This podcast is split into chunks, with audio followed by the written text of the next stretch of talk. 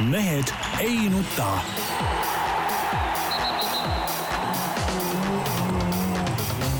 mehed ei nuta. selle eest, et mehed ei nutaks, kannab hoolt Unibet, mängijatelt mängijatele. tere esimese jaanuari hommikut. kui mingid asjad siin maailmas on muutumatud, siis see, et, et mehed ei nuta aasta kokkuvõttev saade on just esimesel jaanuaril hommikul kenasti olemas ja ma arvan, et äh, härra Ossinovski peaks meile kindlasti medalid andma selle puhul, et äh, nagu ma tean, paljud inimesed ei tarvita sedasamust kolmekümne esimese õhtul, sellepärast et äh, selge peaga kuulata meie saadet. see on selge no teistpidi on jällegi nagu mingisuguses tagurpidi loogikas härra Ossinovski teod aastal kaks tuhat seitseteist mõjutanud siiski ka meie tegemisi. ehk siis, et äh, peame ausalt ära rääkima, et seekord me ei ole ikkagi päris otse-eetris, vaid oleme selle saate teinud siin, äh, mis meil täna on, kahekümne üheksanda detsembri lõunapaiku ette valmis ja seda sellel lihtsal põhjusel, et Peep ikkagi pidi tõdema, et sel aastal ta ei ole ilmselt esimesel jaanuaril võimeline sõitma Vasalemmast pealinna. see on muidugi alatu laim, et kõik aru saaksid, et mina olen alati võimeline eh, sõitma, tegema, tulema, või... aga ma täpsustan, loomulikult on ta võimeline, aga see võib lõppeda kurvasti. ei noh, ütleme. politseile ei pruugi ka meeldida. jah, aga jah, ütleme see linnasõit, ütleme aastate jooksul on olnud eh, keeruline hommikuti, esimese jaanuari hommikul ja kui ma selle idee nagu õhku viskasin, et äkki teeks nii, siis Tarmo oli muidugi esimene mees, kes kahe käega seda pooldas, ega sealt, ega sealt Arukülast ka linna sõita ei ole kõige lihtsam. nii see küll, see on puhas vale. sa ütlesid jah? ei no ma ütlesin jah, aga ma ei olnud kindlasti esimene, kes kahe käega hüppas kuhugi. Jaan ei jõudnud midagi üteldagi. ei no minul on kama kõik, mul on paarsada meetrit tulla, aga aga no see ei muuda, ütleme, saate sisulist äh, väärtust. jah, aga mis nüüd Ossinovskile taaskord ette heita on, eks ju, tähendab, ühesõnaga asi on ju lihtsalt niimoodi, et, et me oleme käinud Lätis seda samust ostmas ja kuna sealt ei lähe ju ühe noti järgi, vaid võtad hulgim. siis kogused on suuremad seekord. ja kõik, mis on juba olemas, tuleb ju ära manustada. absoluutselt. jah, nii et, et äh, süüdistage härra Ossinovskit, samas Ossinovski peaks meile ka medali igal juhul andma. nii et siis äh, saate formaat on nagu igal aastal olnud on, me valisime kakskümmend viis Eesti spordi või üldse, üldse spordi, spordi tippsündmust välja ja nüüd siis äh, paneme ajama kahekümne viiendalt kohalt äh, esimesele. Tarmo muide äh, alustuseks siis annab teada, mis meil eelmiste aastate võitjad on olnud. jah, et ütleme, meie tabel ei ole siis sugugi mingi selline tabel, kus paned medalid ritta ja vaatad, mis on kõige kirkam ja, ja siis saad juba oletada, mis esimeselt kohalt leidub. selliseid tabeleid enam Eestis polegi nagu. selliseid jah, õnneks ei olegi kusjuures enam jah. kas õnneks ja kahjuks, aga ei ole. jah, et ütleme, et meie tabeli esimese äraarvamine no sel aastal võib-olla nii keeruline siiski enam ei ole, aga mõnelgi aastal on kindlasti olnud paras pähkel, millega ükski meie kuulaja hakkama saanud ei ole. ja kui päris aegade algusesse minna, siis aastal kaks tuhat üheksa me selle top kahekümne viie koostamisega algust tegime. Ja, ja see oli esimene aasta, kus me siis Kuku raadios äh, oma saadet tegime ja, ja noh, seal muidugi mingit üllatust ei olnud, ehk et ehk et esimesel kohal maandus seesama meie armsa Mehed ei nuta äh, comeback ja, ja ühtlasi ka nii-öelda suurele areenile liikumine, ühtlasi huvitav märkus siia vahele, sellel sügisel või hilissügisel sai meil siis kokku tele-eetri algusest kümme aastat täis. kaks tuhat kümme esikoha võitis selline vägev korvpallilegend nagu Tanel Tein ja tema aktsioonid Kaarsillal karjääri lõpetuseks. karjääri tipphetk, kõrghetk. üks, üks kõrghetk. no kõrg, kõrgeim oli ta kindlasti jah kaks tuhat üksteist järgnes siis aasta, kus esikohas väga kahtlust ei olnud, Andrus Veerpalu äh, dopinguskandaal äh,. aasta hiljem Andres Sõbra ja Aivar Kuusmaa duell ehk siis Andres Sõbra poolt Aivar Kuusmaa piinade lõpetamine äh,. siis kaks aastat järjest Eesti spordivalukohad olid meil äh, top kahekümne viie esimesel kohal. kaks tuhat kolmteist selline märksõna nagu Eesti spordisüsteemne hävitamine Äh, pidasime siin silmas igasugu huvialaringide toetusi ja kogu seda stipendiumide ümber käinud äh, tralli, kus tipid justkui keelati ära, aga asemele midagi ei pakutud.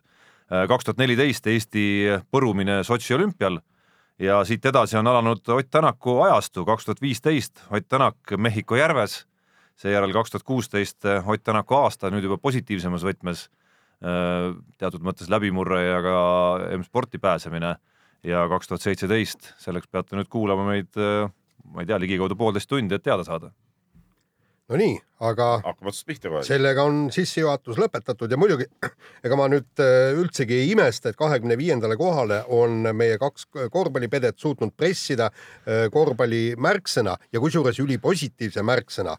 aga mõistagi, see ei tule Eesti korvpallist, meil on Eesti korvpalli ka, aga need ei ole, need ei ole tõesti nii- nii-öelda plussmärgiga või miinusmärgiga, aga taratata plussmärgiga kahekümne viies koht, Luka Dontšitsi tähelend äh, vedas Sloveenia Eesti meistriks, seejärel Euroopa meistriks siis. Euroopa meistriks ja seejärel siis äh, Madridi Reali liider ja poiss on alles kaheksateistkümne aastane ja nüüd me ootame kannatamatult, millal Eestis tuleks oma Dontšitš. ja no Jaan, sa pead esiteks õnnelik olema muidugi, et sa leiad Dontšitši alles kohalt number kakskümmend viis. olid arutluse all siis, kui sa polnud veel toimetusse jõudnud täna, olid arutluse all ka oluliselt kõrgemad kõrged kohad, positsioonid jah. et sihuke isiklik emotsioon ikkagi maksab väga palju ja ja küsimus ei ole minu arust ainult selles, et millal Eestisse oma Dontšitš tuleb, vaid see on põhiküsimus. mingis mõttes mitte, et kui me räägime Luka Dontšitsist, siis see, mida tema on suutnud, no ütleme juba alates seitsmeteistkümnendast vanuseklassist mm -hmm. või seitsmeteistkümnendast eluaastast tegelikult meesteklassis äh, ei ole mitte ainult erakordne vaadates Eesti korvpalli, vaid erakordne ka vaadates, olgu ta Sloveenia korvpall või äh, Hispaania korvpall või, või mis iganes suure korvpalliriigi me võtame äh,. selliseid imemehi me ei näe tegelikult mitte kusagil, hetkel vähemalt. ja, ja see noh, USA muidugi läbi aegade on pakkunud neid, kes on otse NBA-sse läinud ja ja ei ole võib-olla ülemäära palju vajanud seal ka aega, et Jah. tegusid tegema hakata. aga ikkagi jah, see emotsioon, mida Luka Dontšis noore mehena juba, juba eelmine aasta ja nüüd siis eh, suvine see EM või noh, sügisene ja nüüd see Euroliiga hooaeg. noh, võtke mehe numbrid lahti ja, ja, ja, ja vaadake neid, see on üks asi on numbrid, teine asi, vaadake mehe mängu lihtsalt. ja see on lihtsalt vaimustav, midagi, midagi pole ütelda, et, et ei ole, ei ole praktiliselt ühtegi Euroliiga äh, mängu, kus Real mängib, kus Dontšis millegiga hakkama ei saaks, noh.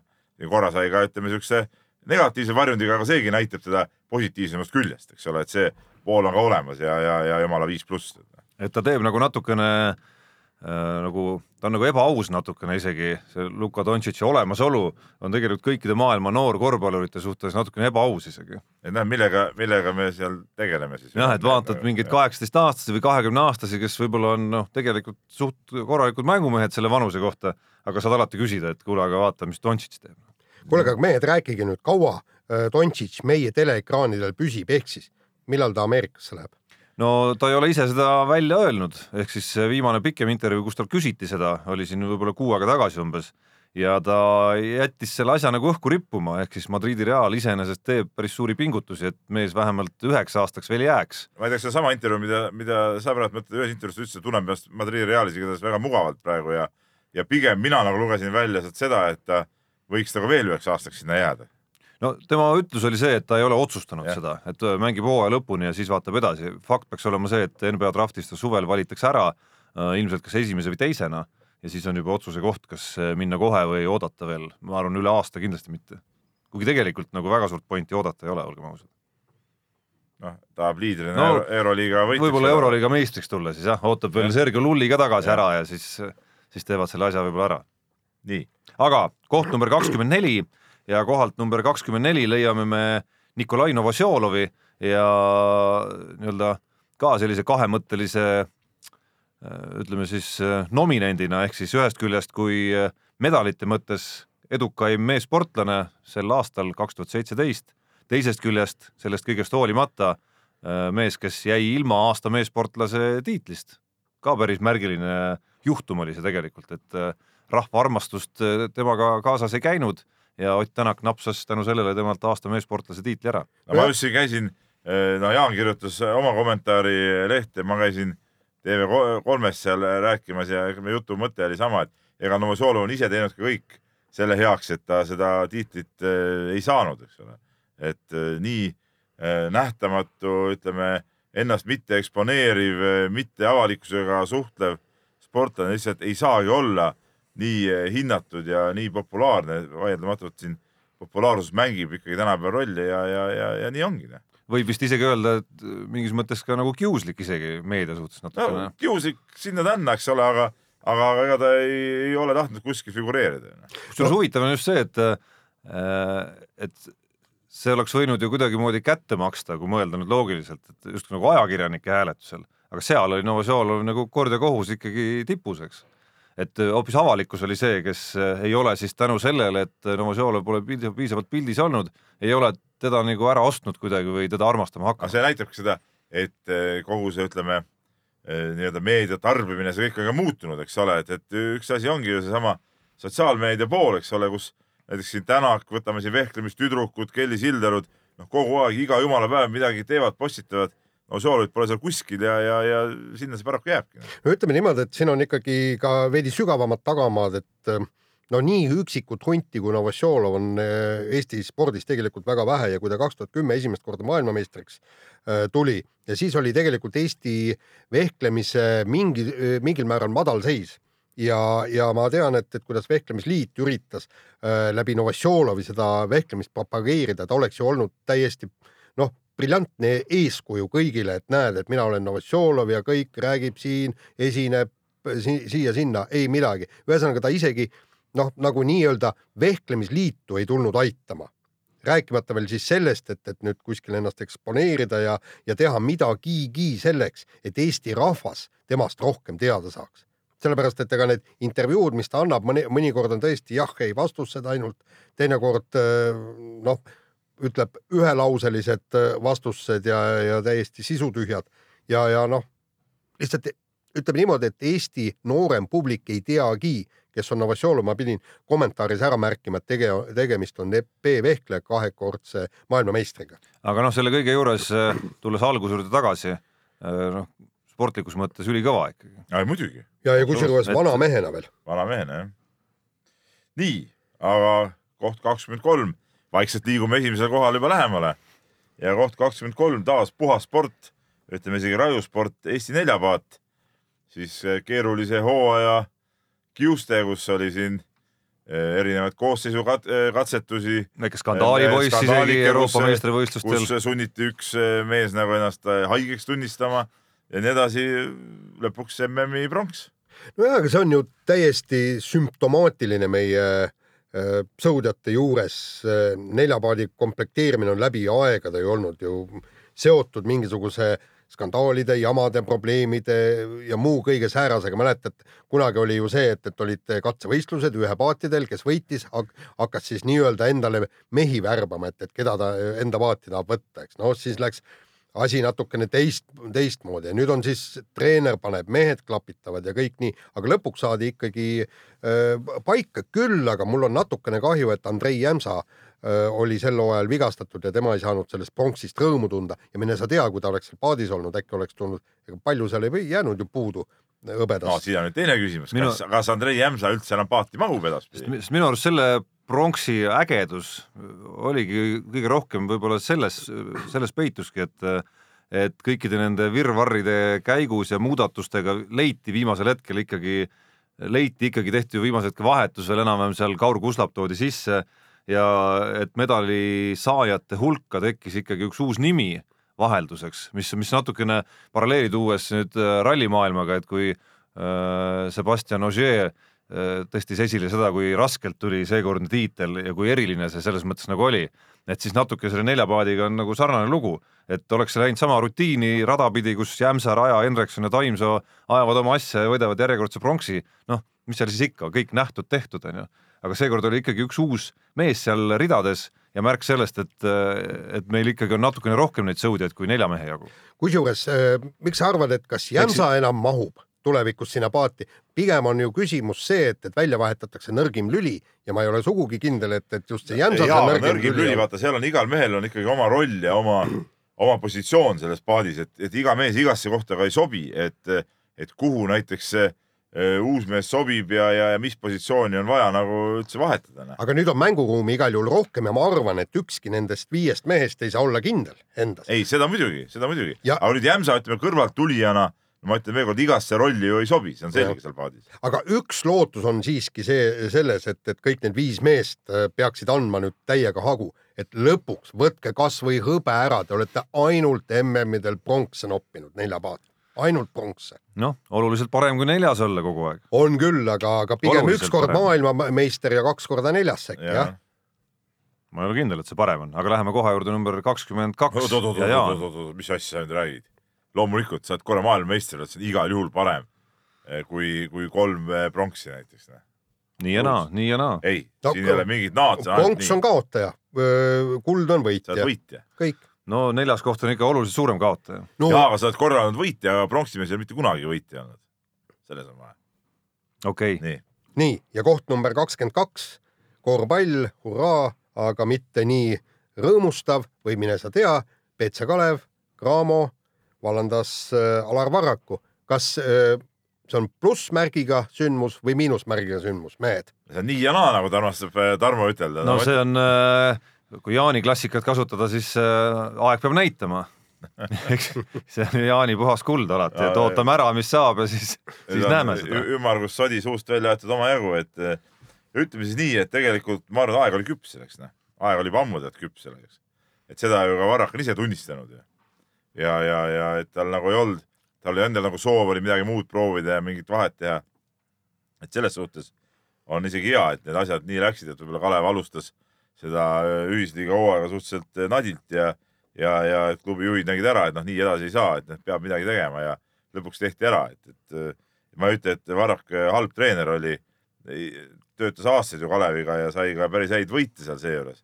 aga noh, selge see, et tal viimasel hooajal ja juba eelmine hooaeg oli näha ikkagi ilmselgelt siukest nagu, ma ütlen nagu no, mandumine ei ole nagu õige sõna, aga ütleme äh, tuimaks muutumist või, või siukest nagu sära kadumist selle, selle töö juures. no peatreeneri koht ei ole päris see koht, kus peaks, ma arvan, ka juhtkond ehk siis äh, Kalevi vedajad nui neljaks meest nagu veenma ikkagi ära, et, et jätka ikka, et äh, sa tegelikult jaksad küll, sa tegelikult sa ei ole väsinud, mis suvel vist mingil määral nagu toimus ikkagi, kui Alar Varrak on ise seda kirjeldanud. tol hetkel kedagi teist asemele, siis nagu. aga kui palju nad tegelesid sellega, on küsimus, mida me võib-olla päris täpselt ei ole saanud ka teada ega saagi teada.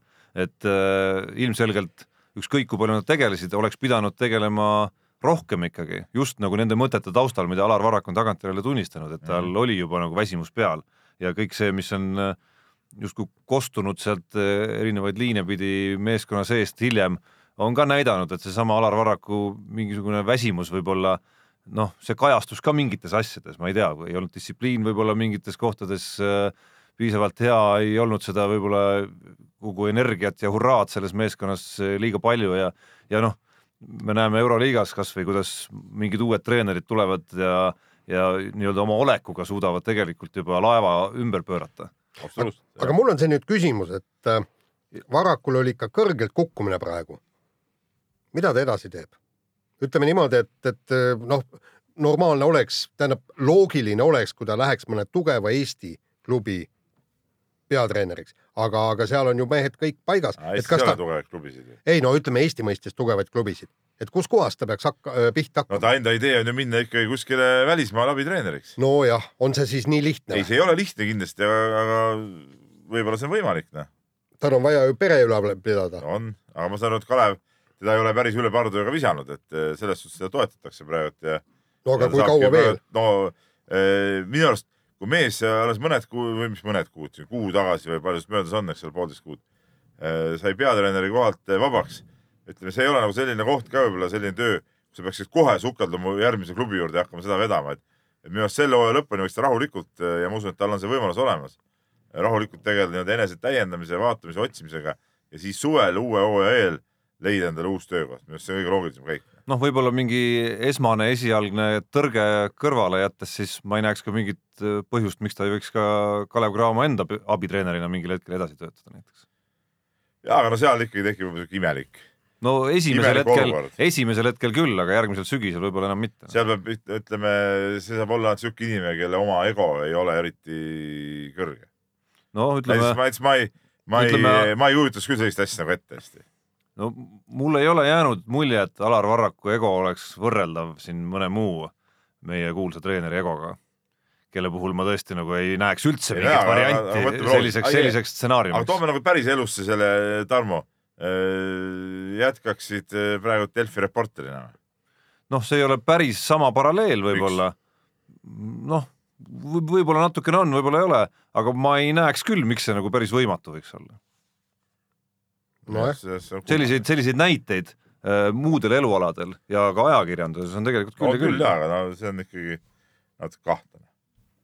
nii, aga vahetame teemat äh, ja vahetame ala ka, kohal number kakskümmend üks, Eesti Jalgpalliliit, Eesti Rahvusringhääling ja üheksasada viiskümmend tuhat eurot, millega Jalgpalliliit sisuliselt ostis end ETV ekraanile koos äh, jalgpalli suurvõistlustega. no minu jaoks see tekitas kahetisi tundeid, et, et mul on hea meel selle üle, et jalgpall on ETV-s, sest et äh, siuksed asjad peavadki olema ETV-s.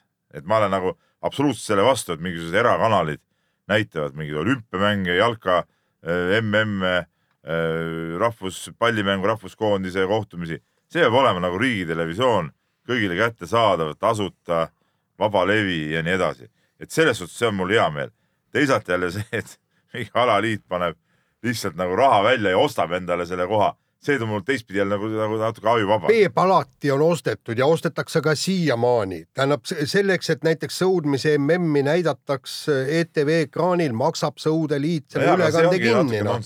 no jaa, aga kui, kui ei ole telekanalitel raha, seal on kaks positiivset asja, üks on see, et, et ETV-le säilis mingigi sport peale laskesuusatamise, sest vastasel korral see oleks äh, Eesti meedia kätte äh, läinud, eks. nii, ja ka teine, mis on küsimärk, on see, et, et ma olen kuulnud, et ETV sporditoimetusel napib oluliselt raha selleks, et teha saateid, noh, teha kasvõi mingisugust publitsistikasaadet, nii edasi, nii edasi. kuulge, te ei saanud olümpiamänge, te oleksite kinni pidanud maksma need olümpiamängud, miljon pluss oleks sealt ära läinud spordi alt, eks. teine asi on see, et, et teile maksid, jalgpalli eest maksti päris ko öö, korralik kopikas. Te ei pea seda raha ise kõike välja käima. Mis mõttes on nüüd eh, sporditoimetusele raha puudu ja raha vähe? ei tohiks olla ju. me ootaks ikkagi jõulisemat sporti Eesti Televisiooni ekraanil. noh, mis ju, mis tegelikult võimendab veelgi seda noh, jalgpalli erakordset rolli selle juures, et eh, neid asju, mis ära kaovad, on oluliselt rohkem kui see, mis on alles jäänud, ehk siis see, see ütleme, mingi erakanali puhul ma ei noh, see on lõpuks nagu nii-öelda äriküsimus, kas nad, kas mingi eraettevõte saab endale lubada kaldus olemist millegi poole, kui, kui vaatajad ootavad võib-olla tasakaalukust. aga Rahvusringhäälingu puhul peaks mingisugused muud huvid seal ikkagi üle käima sellest ja noh, ma ei tea, minu arust seab see sporditoimetuse nagu tegevused ETV-s natukene ikkagi nagu keerulisse olukorda, et, et ühest küljest ma saan aru, et tehnilises mõttes ongi väga lihtne teha teha õhtuse spordisaates kell kakskümmend üks kolmkümmend, ma ei tea, Paidest äh, otselülitust, ma ei tea, Paide äsja lõppenud või pool tundi tagasi lõppenud Paide linnameeskonna ja Narva Transi kohtumise järel ja intervjueerida seal.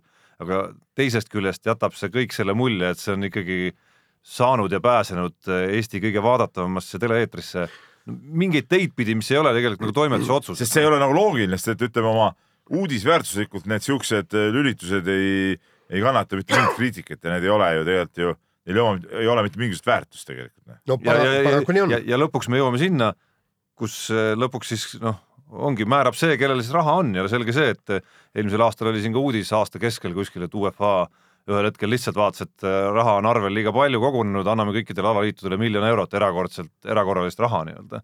et noh, siis on selge, et Jalgpalliliiduga Eesti spordis ei võistle mitte keegi selles vallas. no aga paraku nii on. ja nii on. nii, aga välgukiirusel oleme jõudnud juba kohale number kakskümmend. ütleme, oleme olnud tublid ja vaprad ja, ja poks teemaks ja tegelik aasta siis tipp-poksimatš oli Antoni Jošov ja Vladimir Klitško vaheline madin ja mis lõppes siis Klitško äh, valitsemisaja lõpuga. ütleme niimoodi, et õnneks sai suur matš oli. suur matš oli ja õnneks sai see valitsemisaeg, tüütu valitsemisaeg sai lõppu, aga no ütleme niimoodi, et Klitschko ei olnud ju teab mis äge poksija, ta kaitsest lähtuvalt tegi oma töö ära, poksis täpselt nii palju, kui on vaja ja just võit on võit, aga teha seda kõike kümme aastat ja aga samas jälle kummaline, et ei olnud ühtegi venda, kes suudaks nagu Klitschkole vastu astuda. aga, aga, aga nüüd siis õnneks Antoni Joshua selle asja ära tegi ja nüüd läheb tegelikult põnevaks, et, et väga põnevaks. Eh, sest eh, Klitschko paraku kümme aastat valitseb poksimaailma ja absoluutseks meistriks eh, sa ei saa, sellepärast et sinu käes ei ole kõigi nelja eh, poksiorganisatsiooni meistrivööd ja, ja tal oli see võimalus saada, ühel Klitschkodest oli võimalus saada, oleks oma vennaga poksinud Vitaliga, oleks üks neist absoluutseks meistriks tõusnud, vennaga mina ei boksi. no kuulge, see ei ole nagu sport, mis siis? vennaga ei võistle, vennaga ühele lapsena, rajale näiteks- lapsena nagunii kaklesid näiteks omavahel. äh, Tartu ja Tallinna Kalevi, Kalev Cramo tähendab korvpallimatš on ja siis äh, Timmu äh, Sokk ütleb, mina Tanelit ei võta. las paneb sisse, mina peale ei võta teda vend. Jah. ja mina tema vastu ei mängi venna vastu ei Noh, mängi. eks see poks on muidugi vähe teistmoodi asi kui korvpall, see on ka selge. no jaa, aga noh, põhimõtteliselt sport, sport noh. ja, ja et sa võid noh, päris kõvasti Ja mis saab olla veel viga parem? teha oma vennale. ja mis saab olla veel parem, kui vennale ära teha, noh. ütleme nii, minul oli vanem vend, eks ole, viis ja pool aastat vanem.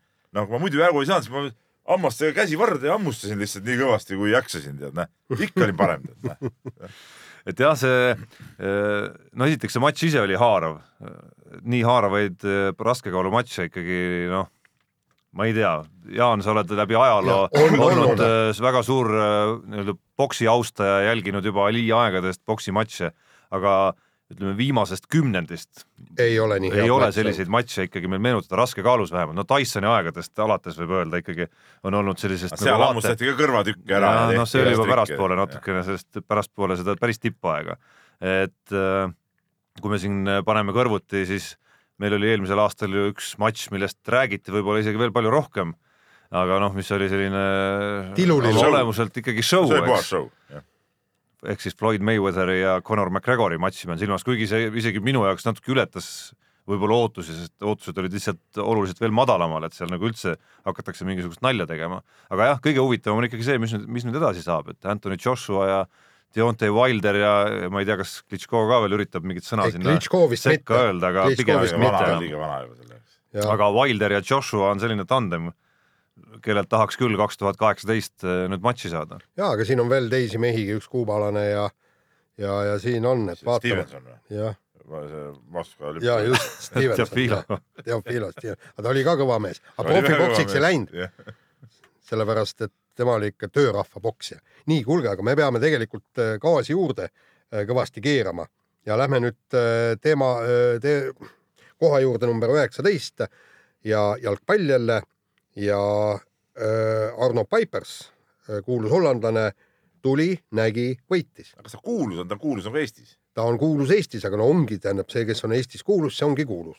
nii, ja, ja mees tuli FC Flora juhiks ja viis selle noore ja küllaltki tundmatu meeskonna turvaliselt ja täpselt Eesti meistriks ja, ja see oli tegelikult kõva töö, sest noh, kui me vaatasime, kuidas meie jalgpallieksperdid ennustasid tšempionaadi lõpptulemust hooaja alguses, siis ega Florat nüüd keegi ei pakkunud, pakuti talle isegi neljandaid kohti ja mida iganes ja, ja, ja siis, kui me tegelikult ise ka, me oleme võib-olla saates rääkinud, kui vaatasime seda nimekirja, no täiesti tundmatud tüübid. no ei no päris nii ei saa nüüd öelda, et täiesti ei tundmatud, tüübid, mitte aga kõik, aga, aga osa tüüpe on tõesti, no pole nimegi kuulnud. aga fakt on see, et Flora ja Pipers suutsid ikkagi noh, tuua reaalselt mängumehi üles, nii nagu me siin oleme rääkinud oma lemmikala näitel, ma ei tea, kui palju kordi, aga võrkpalli näitel, kui palju kordi, ja käsipalli näitel kõikidel nendel näidetel jah. kuidas äh, noh, sul nagu klubina, kui sa tahad nagu klubina tegutseda, mitte meeskonnana, siis äh, on hädavajalik see, et sa ikkagi, sul tulevad alt mingisugused noored peale, sa usaldad neid ka väljakule, võib-olla natukene isegi avansina, mida peab ütlema siin minu vastas istuv Peep äh, võib-olla seitse või kaheksa või üheksa aastat tagasi mehetunnete aegadel sai kõvasid madinaid maha peetud, kuidas ikkagi iga sekund tuleb välja ka Tuleb, teenida tuleb. ikkagi auga Seda- seda ja avansiks midagi anna ei saa, no ma meenutaksin hil- hiljutisi kommentaaregi siin, ma ei tea, Kaunase Žalgirise näidetel jaa, aga seal mees oli välja treeninud, No. need sekundid. no sõltub siis, mida väljateenimise all silmas pidada, ei no aga, aga mõte jääb okei, samaks mõte jääb igal juhul samaks jah, et äh, Flora oli kahtlemata meeskond, kes kõige rohkem seda tegi. Oli ka teistes klubides noori mängumehi, kes pigem jäid seal äh, nagu pinki nühkima ikkagi rohkem ja lõpptulemus oli käes. ja see ei ole esimene kord, kui Flora tegelikult sellist asja teeb, ta on ka varem noorte meestega tulnud ja, ja tippu tõusnud, nii et, et selles suhtes jälle äh, vahest siin omavahel ka kritiseerime, me kritiseerime seda pohlakute dünastiat ja, ja süsteeme, siis, siis noh, tegelikult jälle äh, seda klubi äh, nagu mängijate kasvatamise seisukohalt on nad ikka väga õigesti ajanud ja, ja õiget asja seal teinud ja, ja, ja tulemused on ka ilmselgelt nagu näha. no jaa, aga teistel klubidel ei ole nii suurt noortebaasi all, et nad saaksid hakata alt-. keegi ei keela ju seda teha. No jah. no nad on Kusjuures siiski kasvatanud siiski- seda päris palju ja ega Flora ei ole kõiki neid vendi ka ise kasvatanud, et seal on ju, seal oli ju üks mees, ma nimi kahjuks ei tule meelde, kes ju Nõmme kaljus istus pingil, toodi Florasse ja Floras sai oma klubis endas võimaluse kinni, klubis endas kinni on see väga palju. ja, ja klubis ja selle filosoofias ikkagi. aga vahetame rida, koht number kaheksateist, nüüd läheme natukene teistsuguse filosoofia juurde ehk siis võrkpall ja Rakvere võrkpallimeeskond, kes tegi noh, nii-öelda Islandit ehk siis justkui jäi kuskilt Baltikumi võrkpallimeistriks. no väga amatöörmeeskond sisuliselt. amatöörmeeskond korjati kokku mingid vennad, kes olid igalt poolt ülejäänud, kes eh, nii-öelda päris profimeeskondadesse ei mahtunud või ei tahtnud seal olla ja, ja pandi mängima. ütleme niimoodi, et, et mul äh, seda kogu lugu meel, meenu, meenutades tuleb silme ette üks spordifilm, noh, ta on Major League, ta on küll pesapallist, aga tähendab, stsenaarium on täpselt samasugune, eks, et et, et võetakse kokku ühte meeskonda mängijad, keda keegi ei taha või, või, või kelle, kelles ei nähta potentsiaali ja mingid noored ja kõik niimoodi ja seal, kuna omanik tahab, et see meeskond kaotaks ja siis, kuidas vennad siis lõpuks ikkagi võiduni välja jõuavad, eks. ja, ja, ja tegelikult see on ka selles mõttes ilus story, et need Rakvere vennad, keda, kellele tõesti ei loodetud, võtsid nüüd selle tiitli ära ja nad jätsid endast märgi maha ja paljud ju panid pillid kotti ja, ja lahkusidki suurest võrkpallist ja, ja meeskond ju läks sisuliselt mõned läksid laiali. jälle edasi uuesti nagu, no said nagu uue hingamise tänu sellele. just, aga ilus lugu igal juhul. ei ole sugu jah, ütleme Eesti spordis ka vahest. Ega Eesti spordis on lugusid võib-olla nagu selliseid, ongi nagu vähe võitu siukseid, siukseid story sid.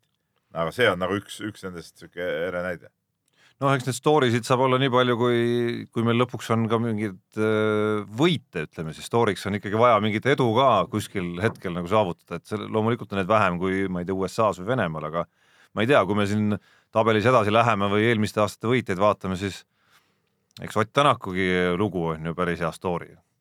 seda küll, aga kui me liigume siit edasi nüüd kohe nii-öelda story'de valdkonda, siis koht number seitseteist, Kaia Kanepi ilmus justkui kuskilt ja jõudis äh, USA Openi veerandfinaali, ütleme ka siin on niimoodi story maik asjal juures, et oli ta sisuliselt karjääri juba lõpetanud, aga siis leidis endast taas jõudu tagasi tulla ja, ja tegi äh, oma karjääri ühe vägevama turniiri. ja mitte ainult turniiri, tähendab ta mängib hästi ja, ja, ja tõesti ütleme niimoodi, et, et see edulugu nagu jätkub, kui me nüüd äh, just äsja ju äh, Brisbane'i turniiri kvalifikatsioonis, kui, kui lugesin seda äh, Kaia Kanepi mängu kirjeldust, siis öeldi, et ikka väga võimsalt ja jõuliselt äh, mängis ja, ja mä- mängib tõesti siiamaani väga head tennist ja ma arvan, et, et see oli ainult üks esimene sammukene. Järgmise sammu ta teeb võib-olla sel aastal, äkki ükskord ta jõuab suurturniiri poolfinaali, vot seda ootaks. no seda kõike on jälle raske prognoosida, et me ei tea ju, kuidas tal tervis kasvõi vastu peab noh, sellele nii-öelda mingisugusele püsivamale koormusele, kuigi ma saan aru, et ta üritab sarnaselt Roger Federerile ikkagi nagu valida ja hoida ennast ja see tegi juba selle aasta lõpus. just ja võib-olla, võib-olla kui me tema comeback'i algust meenutame, siis äh, Gerd Kanteri ja Indrek Tustiti mingite nippide abil võib-olla on ka mingisugune noh, ma ei tea, uus kvaliteet tema haigetes liigestes võib-olla tekkinud, mis, mis enam nii palju probleeme ei valmistagi, aga kõige rohkem on see comeback ikka näidanud sellist äh, mõttemaailma olulisust minu arust. noh, ilmselt, ilmselt ikkagi igal alal spordis aga ma ei tea, mulle tundub seal naiste tennise tipus võib-olla veel rohkem, sest seal on nii palju neid naisi, kes võimete poolest võiksid täiesti vabalt äh, võita Suure Slami turniire, oleme sellelgi aastal näinud, kuidas äh, meie naaberriigist äh, tuldi French Openi võitjaks, eks. Heal päeval, miks mitte, ei võiks ka Eesti tennisistid mõlemad tegelikult olla võimelised selleks, aga see, mis siin äh, nagu et finaal nende vahel. et see, aga see, mis siin nagu pea sees toimub, kasvõi seesama Kaia Kanepi ja Anett Kontaveidi aastalõpu matš ju oli minu arust puhas äh, näide sellest, kuidas äh, see, kes suutis asja kuidagi kainemalt ja, ja, ja kuidagi nagu paremini suhtuda sellesse, see oli ikkagi parem no.. Ja see, kes natukene läks närvi rohkem ja võib-olla rabistas ja võib-olla mõtles üle mingeid asju, eks see ongi need kogemused ja asjad, mis, mis mängivad ja maksavad just ja, ja, ja Kaial on see hetk, kus noh, ootused ikkagi vahepeal olid juba päris maas, sest ta oli, Sisimas oli karjääri lõpetanud. tõsi, ma arvan, et need ootused tekivad alati tagasi, kui ta ühel hetkel jälle veerandfinaali jõuab. nüüd ongi need ootused juba tagasi, nüüd nagu eh, ei rahulda enam, kui ta, ma ei tea, jõuab kuskile teise ringi ja kaotab seal mingi matši, et nüüd ta on juba nii kaugele jõudnud, ta on tagasi ja nüüd on jälle, ütleme, nõudmised kohe kasvasid selle maksimumi peale tema just, suhtes aga ma miskipärast usun, et tal nagu on mingi rahu nagu suurem sees kui võib-olla enne seda nii-öelda esimest loobumist tennises. kusjuures praegu on käsil ju Eesti nii-öelda tennise kuldaeg, sellepärast et meil ei ole ju kunagi olnud sisuliselt, et kaks mängijat äh, mängivad maailma tipus ja on võimeline võitma nii turniire kui ka jõudma äh, suur, suurturniiridel väga kaugele. Et äh, Maratani ja Kanepi aeg oli ka ikkagi selline, kus jah, olid esimeses aga ka koos, eks ole, mingi hetk. jah, aga, aga ikkagi niimoodi, et, et, et nad on mõlemad tõesti nii-öelda veerandfinaali Jah. kõlbulikud. seda aega pole Jah. olnud. no nüüd jääb oodata, esimene variant oleks see, et äh, lähevad veerandfinaalis omavahel kokku kuskil, noh alustuseks, siis on poolfinaali koht kindel. kindel jah, jah, vot siis, vot see oleks See midagi hoopis muud kui see Jah. Saku Suurhalli matš. kuigi ei taha selle kohta ka ühtegi halba sõna öelda, täitsa hea, hea õhtu oli. nii, aga võtame nüüd äh, ette kuueteistkümnenda koha ja äh, aasta sportlaste valimisel üks äh, alaliidu inimene tuli ütlema, et, et meie saates mees, mehed ei nuta, tema alal eriti palju sõna ei võeta, siis mille peale ma vastasin, et tu- tulemused teil ei ole ja skandaale ka ei ole, siis see just skandaalide puudumine ongi, ongi see, miks me sellest alast nii palju ei räägi, ma ei hakka rääkima, mis ala see on, aga kergejõustikus oli skandaale küll. Ja, ja üks, üks kõige tõsisemaid ja korralik äh, nii- nii-öelda rassismiskandaal oli see, et, et kui äh, kuulsa Tiidrik Nurmas sõbra Mukunga vastu äh, hakati korraldama nii-öelda ründeid, üks mees ei andnud talle kätt ja peale selle Tallinna maratonil oldi pahased selleks, et siia kutsuti, kutsuti tugevad Aafrika jooksjad, kes selle võistluse kinni panid, mis tähendab seda, et, et Eesti jooksjatel seda suure raha lootust enam ei olnud. et, et põhimõtteliselt neegrid välja, nagu ma saan aru. no selles suhtes eh, siin on nagu kaks seisukohta võib tulla, et Peebul ja kaks Ei seisukohta see on nüüd tulla. see on nüüd top üks selles tabelis plaaniväliselt praegu, et Peep tunnistab, et on olemas võimalik kahte moodi midagi arvata. üks asi muidugi see, et kõik need Eesti jooksjad, nii nagu ma olen siin ka varem öelnud, et Tarmo tuletas mulle seda meelde, on muidugi täielikult tondid, kui nad ajavad mingit udujuttu siin, et, et miks vastased on nii tugevad ja me midagi, midagi ei võida. ma korra vahele põikena, ma korra vahepõikena ütlen, et ma pidin Peebule meelde tuletama, et ta niimoodi arvas tol hetkel. ei, ma arvangi, ei seda ma arvan alati, et ükspuha, kes on stardis, eks ole, hakkate vinguma, et vastane liiga kõva on igal juhul nagu jama. teisalt jälle muidugi, kui ikka mingi Eesti võistlused, kas on vaja neid, neid igasuguseid, ma ei tea, mis tšumba-mumbasid eh, siia tuua?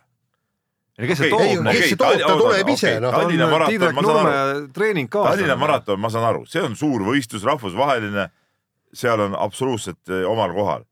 aga kui äh, ma mõistan nagu ka neid Eesti jooksjaid sellest äh, aspektist, et kui mingi väiksemate rahvajooksjad, kus nad on harjunud käima mingeid auhinnakesi korjamas, aga sinna tuleb ka järsku mingi must vend kohale, kes on nagu tasemelt peaaegu üle, loomulikult tuleb närvi. Peebukene, Mukunga ei ole ei Keenia, Aafrika ega Ei ole. maailma mõistes Aga- absoluutselt aga- mitte aga Eesti keegi. mõistes no tee, no, see kuule, näitabki ära, et Eestis ütleme jooksuharrastamine ongi nagu mõttetus tegelikult, pikamajooksu, maanteejooksu ei miks, miks ta, miks ta mõttetu on? et kui see mitte keegi tuleb ja on parem kui need eh, enda arust keegid, siis see enda arust keegid ongi mõttetu. ja no mõttetus on äh, mitte sellega tegelemine, vaid mõttetus on arvata, et kui ma olen sellel tasemel, kus ma isegi Mukunga käest saan ikkagi nagu valgusaastatega, et, et, et mõttetus on arvata, et siis tegemist on tippspordiga või et tegemist on äh, mingisuguse asjaga või tegevusega, millega ma peaks isegi mingist otsast nagu ära elatuma. et see ongi lihtsalt nagu harrastus ja kogu Ja lugu harrastus, jaa, aga aga ja sa ei saa eeldada, et selle harrastuse juures äh, peaksid sa saama tasutud äh, noh, ma ei tea, nii, nii mis iganes auhindadega, mida kõikidel nendel jooksudel antakse. sellega ma nõus, aga samas ma toon siin paralleeli, et mõnikord on ka siuksed, ütleme noh, meil meeldib korvpall, eks ole, et äh, tehakse igast turniire ja igast asju. siis ajab ka natuke närvi, on, no ma mäletan, kui ma ise veel mängisin, nüüd ma juba aastaid ei mängi, eks ole, aga mängisin, siis mõnel turniiril tulid ka, keegi tõi jälle sisse mingisuguse, mingi supermängija nii-öelda nagu sinna kohale, oli mingi firmade vaheline turniir jälle, ohoh, kust see mees siia sai või valdade Spartakiaadile toodi igast imevendi, tead noh. see ajas küll närvi natuke, et mida kuradit, No noh see ei ole tema koht, tead noh. Aga see ei ole tema koht, eks ole, seal käia, samamoodi ma saan aru, et kui on näiteks, näiteks ma ei tea, Aruküla tsempionaat eh, jooksus, kus on, auhinnaks näiteks on väike kassettmagnetofon, eks ole, kõik tahavad seda saada, aga siis äh, tuleb, tuleb mingisugune äh, must mees ja võtab selle ära.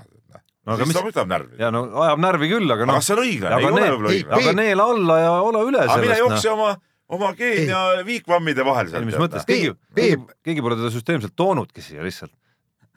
Peep, ma saan aru, kui, kui on külavõistlus, oma küla mehed tulevad kokku, kes ei, kes ei ole, kes ei, kes ei määrata ennast kui tippsportlased, et paneme rinnad kokku, vaatame, kes selle kassettmagnetofoni võidab. aga kui profisportlastele tuleb vastu teine profisportlane ja siis sa hakkad midagi hädaldama. ei, seda ma rääkisingi, et see on muidugi jamane Noh.. aga noh, kuna meil ei ole ju, kas meil on mõni profijooksja või?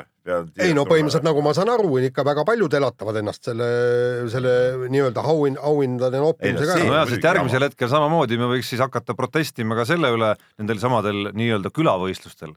et no mis see Tiidrek Nurme nüüd siia tuleb, et ta on ju ikka nagu juba tugevam jooksumees näiteks. ja ega ei peakski käima no, nendel väikestel miks mitte? no aga miks ta peaks?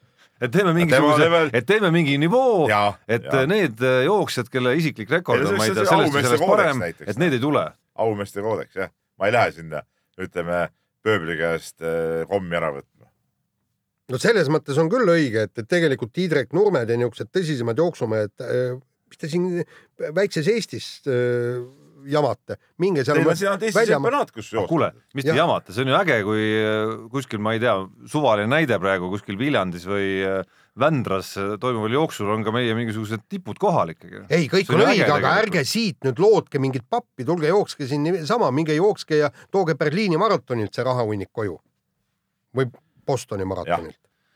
no ikka läks lappama see asi praegu siin, kohal number viisteist. Pluss Tanel. Kangert, tema kukkumine Giro d'Italial, õlavareluu murdmine, väga dramaatiline juhtum see oli ja seda dramaatilisem, et äh, just sel hetkel tundus, et Tanel Kangerti nii seesama tuur kui ka tegelikult äh, nii-öelda karjäär ja hooaeg oli ikkagi nagu väga selgel tõusulainel.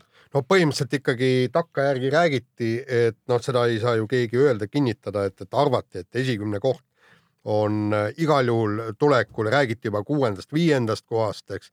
et, et tõesti jube kahju, et niisugune õnnetus äh, juhtus ja, ja see, et, et hooaja lõpp ikkagi Kangertil täiesti, täiesti sõitmata jäi, aga noh, vaatame, nagu mees ise ütles, et äh, tuleb tugevamana äh, tagasi ja, ja ka mis mulle meeldib kogu selle asja juures on see nii-öelda ratturite suhtumine nendesse kukkumistesse ränkadesse õnnetustesse. kui, kui ta suudab en- enda kulul ja kallal nalja teha ja meenutada, et kuidas ta pika kahvliga pidi sööma, naine pidi teda esialgu toitma ja ja, ja, abilised, kes toitma ja ku- kuidas ta kätt liiku, liikuma ei saa ja kuidas ta keha on metalli täis, et, et ta ei, ta ei suutnud kuidagi aru saada, et seda metalli nii, nii palju sinna küünarvarre sisse ära mahub ja niisugune eluterve. Sellest võiks kohe seda on kõik, alati olnud tegelikult, vaata kõik need kukkumised oleme näinud ja mingeid hirmsaid neid. no oleme kahjuks ka surmajuhtumeid on ette tulnud ja, ja mitte ainult autode süül kusjuures. nii on. et äh, väga suur küsimärk kindlasti, mis nüüd, mida Tanel Kangert kujutab endast, kui, kui hooaeg pihta läheb. no ütleme niimoodi, et, et äh, ma arvan, et on võidusõitudel märgatavalt tähelepanelikum, sellepärast et noh, nagu ta ise ausalt ütles, jah, just. nii, aga nüüd taas trummid põrisevad ja koht number neliteist juba siin peaaegu pool saab juba ühele poole, et ega siin pole midagi. koht number neliteist ja taas jalgpall teemaks. meie üks ütleme teemasid, mida me väga hästi valdame ja Infonet ja Levadia ühinesid siis sel hooajal. oli üks sihuke põhisündmus, siis lisaks veel äh, Sillamäe Kalevilt võeti meistriliiga tasemel litsents ja, ja üldse meistriliigas jalgpalli siis koduses meistriliigas osalejate leidmine on osutunud ülimalt keeruliseks, et siin järjest oli loobujaid ja lõpuks sai siis peale esiliiga viies meeskond vist oli Kuressaare. et, et äh, häda ja viletsuse eest jalgpallis siis võtame asjad nii kokku või? vaata, meie seal toimetuses mäletad, me tegime, meil oli peaaegu pooletunnine arutelu või, või, või no vaidlus või nimeta, kuidas seda tahes, et kas meil on Eesti jalgpallis vaja ikkagi kümmet meeskonda siin ei olnud midagi vaielda, sest et ma ütlesin tõe ära ja nii oli, eks ole. no tegelikult, tegelikult noh, nagu, nagu, nagu sealt ikkagi välja tuli, nagu me ikkagi räägime, peavad mängima need meeskonnad, kes on selleks võimelised nii materiaalselt kui ka mängijaid Jah. on, on piisavalt ja vastavalt. et, et supp peaks olema ikkagi tummisem, praegu on see supp ikka ülimalt lahja. ja noh, me näeme seda ju teiste suurte pallimängude pealt samamoodi, ega see jalgpall on küll tohutult palju harrastajaid juurde võitnud äh, viimase kümnendiga, aga noh, jalgpalliklubi vajab ka oluliselt rohkem mängijaid kui võrkpalliklubi või korvpalliklubi on- üks asi on harrastajad ja teine asi on see ikkagi see meistriliiga tase. just, ja sul on vaja ikkagi mingisugused nagu mingid kulud igal juhul ära teha, isegi kui see jalgpalli ütleme, selline nagu finantskliima on võib-olla mingis mõttes äh, tänu siis rahvusvahelistele toetustele positiivsem äh, kui võrkpallis või korvpallis, siis nagu kohalik kliima nagu ettevõtlus ja ettevõtete panustamine sporti ja riigi ja omavalitsuse panustamine kõigesse sellesse, selles mõttes nad hulbivad ikkagi täpselt samas äh, nii-öelda vees, et äh, natuke ebarealistlik tundub see ootus, et äh, eriti veel olukorras, kus suund on selle poole, et jalgpalliliidu toetusel kuidagi saame täisprofessionaalse jalgpalliliiga endale siin äh, lähiaastatel. et, et siis selle juures suudetakse seda veel teha nagu kümne võistkonnaga. no ütleme nii, et võ- võistkonnas on üks paarkümmend mängijat peab olema, eks ole. see on kakssada professionaalset jalgpallurit Eestis, noh päris, päris suur arv. ütleme ja, niimoodi, olu, ja olukorras, kus meil on äh, välismaal, ma ei ole nüüd, ma ei suuda peast seda arvu ma öelda, arvan, aga et ikka paari võistkonna jagu mängijaid. no absoluutselt, absoluutselt, ehk siis nagu koorekiht Jah. on ju kõik veel ära ka läinud. no jaa, aga täpselt sama võib ju öelda ka korvpalli kohta, et, et korvpallis on ka ikkagi, võiks olla kuus meeskonda ja las nad annavad hagu. sest vaata, Eesti korvpalli tippajad ehk siis tipphetked, just see üheksakümmend üks, üheksakümmend kolm, need aastad pluss eelnevad aastad on ju tegelikult tulnud sellest, et nii-öelda põllu peale palgale pääsevad ainult parimad. seal oli ikkagi niimoodi, et, et seal oli ka kahe meeskonna jagu, üks oli esindusmeeskond, teine oli duubelmeeskond, kõik ülejäänud olid tootval tööl. no hetkel on korvpallis seitse ja pool võistkonda, ütleme nii, Audentese võime poole pealt, poole arvestusse võib-olla lugeda, et äh, ja vaadates neid võistkondi, vaadates nii eelmisel hooajal kui sellel hooajal, jättes võib-olla Kalev Cramo kõrvale, siis noh, me näeme, et äh, mängijaid tegelikult nagu täisväärtusliku võistkonna jaoks ju ei jätku. ja me võimegi rääkida tegelikult kuuest siiski, sest poole arvestusse läheb ju ka Valga meeskond, mis on selline pool, pool nii-öelda Läti võistkond, pool Eesti meeskond, et me tegelikult räägimegi seitsmest ju ainult no põhimõtteliselt küll jah. ja, ja, ja no ongi mehi, mehi puudu, et me räägime võistkondadest, kus noh, rotatsioonid on sellised seitsme-kaheksa liikmelised ja, ja satse, kus kaksteist meest on kogu aeg pingil olemas, on ikkagi suhteliselt vähe. nojah, aga need, kus ei ole neid mehi, need on jälle nõrgad klubid, kus ei ole oma noori, nii et see on, see on ka oma selge, selge märk jälle. nii, koht number kolmteist, Jaan, maga,, nii, jälle oled selle, nüüd, nüüd peavad küll trummid nagu eriti. jälle on selle kuskilt välja võlunud no nii, kuule, meil on pikk, pikk saade, kuulge, ärge kulutage aega. No ütleme nii, et. no meil on ta erinevalt Kuku raadiost on meil siin aega küll, me võime siin tiksutada neli tundi ka Jaan, anna nüüd, anna nüüd uue aasta lubadus, eks ole, et sa, sa ühessegi saatesse seda riistapuud enam kaasa ei võta. noh, peaaegu, ei, ega ma, ei, ei ei,, ole ei, nüüd ma, mees, ei, ole nüüd mees, ei, miks ma peaks lubama, ei, ma ei luba seda. siis Noh. no. konfiskeerime. ma annan Peebu kätte. ma annan vaata sama kätte. ülemuse kätte. panen siia peitu. hakka, hakka ise, hakka ise vaikselt äh, ei, nii, aga nüüd eriti kõva trummipõrin ja No. koeralõrin, nii, number, koht number kolmteist ilus number. jah, Peep Pahvi ja saate Mehed ei nuta nii-öelda klubi vahetus ehk siis äh, Peep Pahv lahkus sealt, tuli siia ja ka saade Mehed ei nuta tuli sealt siia Delfi suurepärasse stuudiosse. noh, tegelikult meil oli siin arutelu Peebuga enne, siis kui Jaan ei olnud tööle jõudnud Jaa,, taas põõnas kord alles., põõnas alles, just. Selle jätan mainimata, et vaba päev tegelikult. aga okei okay,, nüüd sai see ka mainitud kahjuks. oli arutelu, et noh, nagu objektiivselt võttes peaks see nagu esimene olema. aga noh, korra me oma ajaloos oleme ennast Jah. esimene, esimeseks pannud, aastad on mööda läinud sellest ajast juba, noh, ei ole vaja vaata seda kuulsuse sära nii palju Jah. enam. siis valisime lihtsalt ühe suvalise numbri, mis meile meeldis kõige rohkem. Ja 13 ja oli väga- kolmteist on väga lemmiknumber, mul vähemalt. enamik korvpallisärke, mis mul olnud on ka kolmteist olnud. ja kolmeteistkümne numbril on, on häid mängijaid olnud küll. Ja aga no põhimõtteliselt ütleme, see klubi vahetus ikkagi näitab, kuivõrd elujõuline see saade on, et tähendab, et, et ega umbrohi ei hävine, nagu öeldakse. ja No, Peep, seda võib ka sinu kohta öelda. jah, võib, võib öelda. sest ausalt öeldes ega suurt vahet ei ole, millises väljaandes sa äh, Eesti sporti materdad ja, ja, ja, ja korvpalli puhul kummardad ja korvpallureid kiidad. jah, ja aasta lõpus äh, sai ju tõestatud ka ühe töövõiduga ehk siis Ott Tänaku aasta meessportlaseks valimisele sai alus pandud ikkagi siinsamas nende selle nelja seina vahel. nii on. no ja, aga no Tunneme see oli rahule. absoluutselt, aga see oli ju õige asi. noh. jah, See oli õige. jah, jah, nii on. vot nii, aga koht number kaksteist ja leiab siitki mehi, kelle hääl on kõva, kelle kogu on suur ja kelle häält on kosta kaugele. Andres Sõber ja Rakvere Tarvas on tänaseks areenilt lahkunud.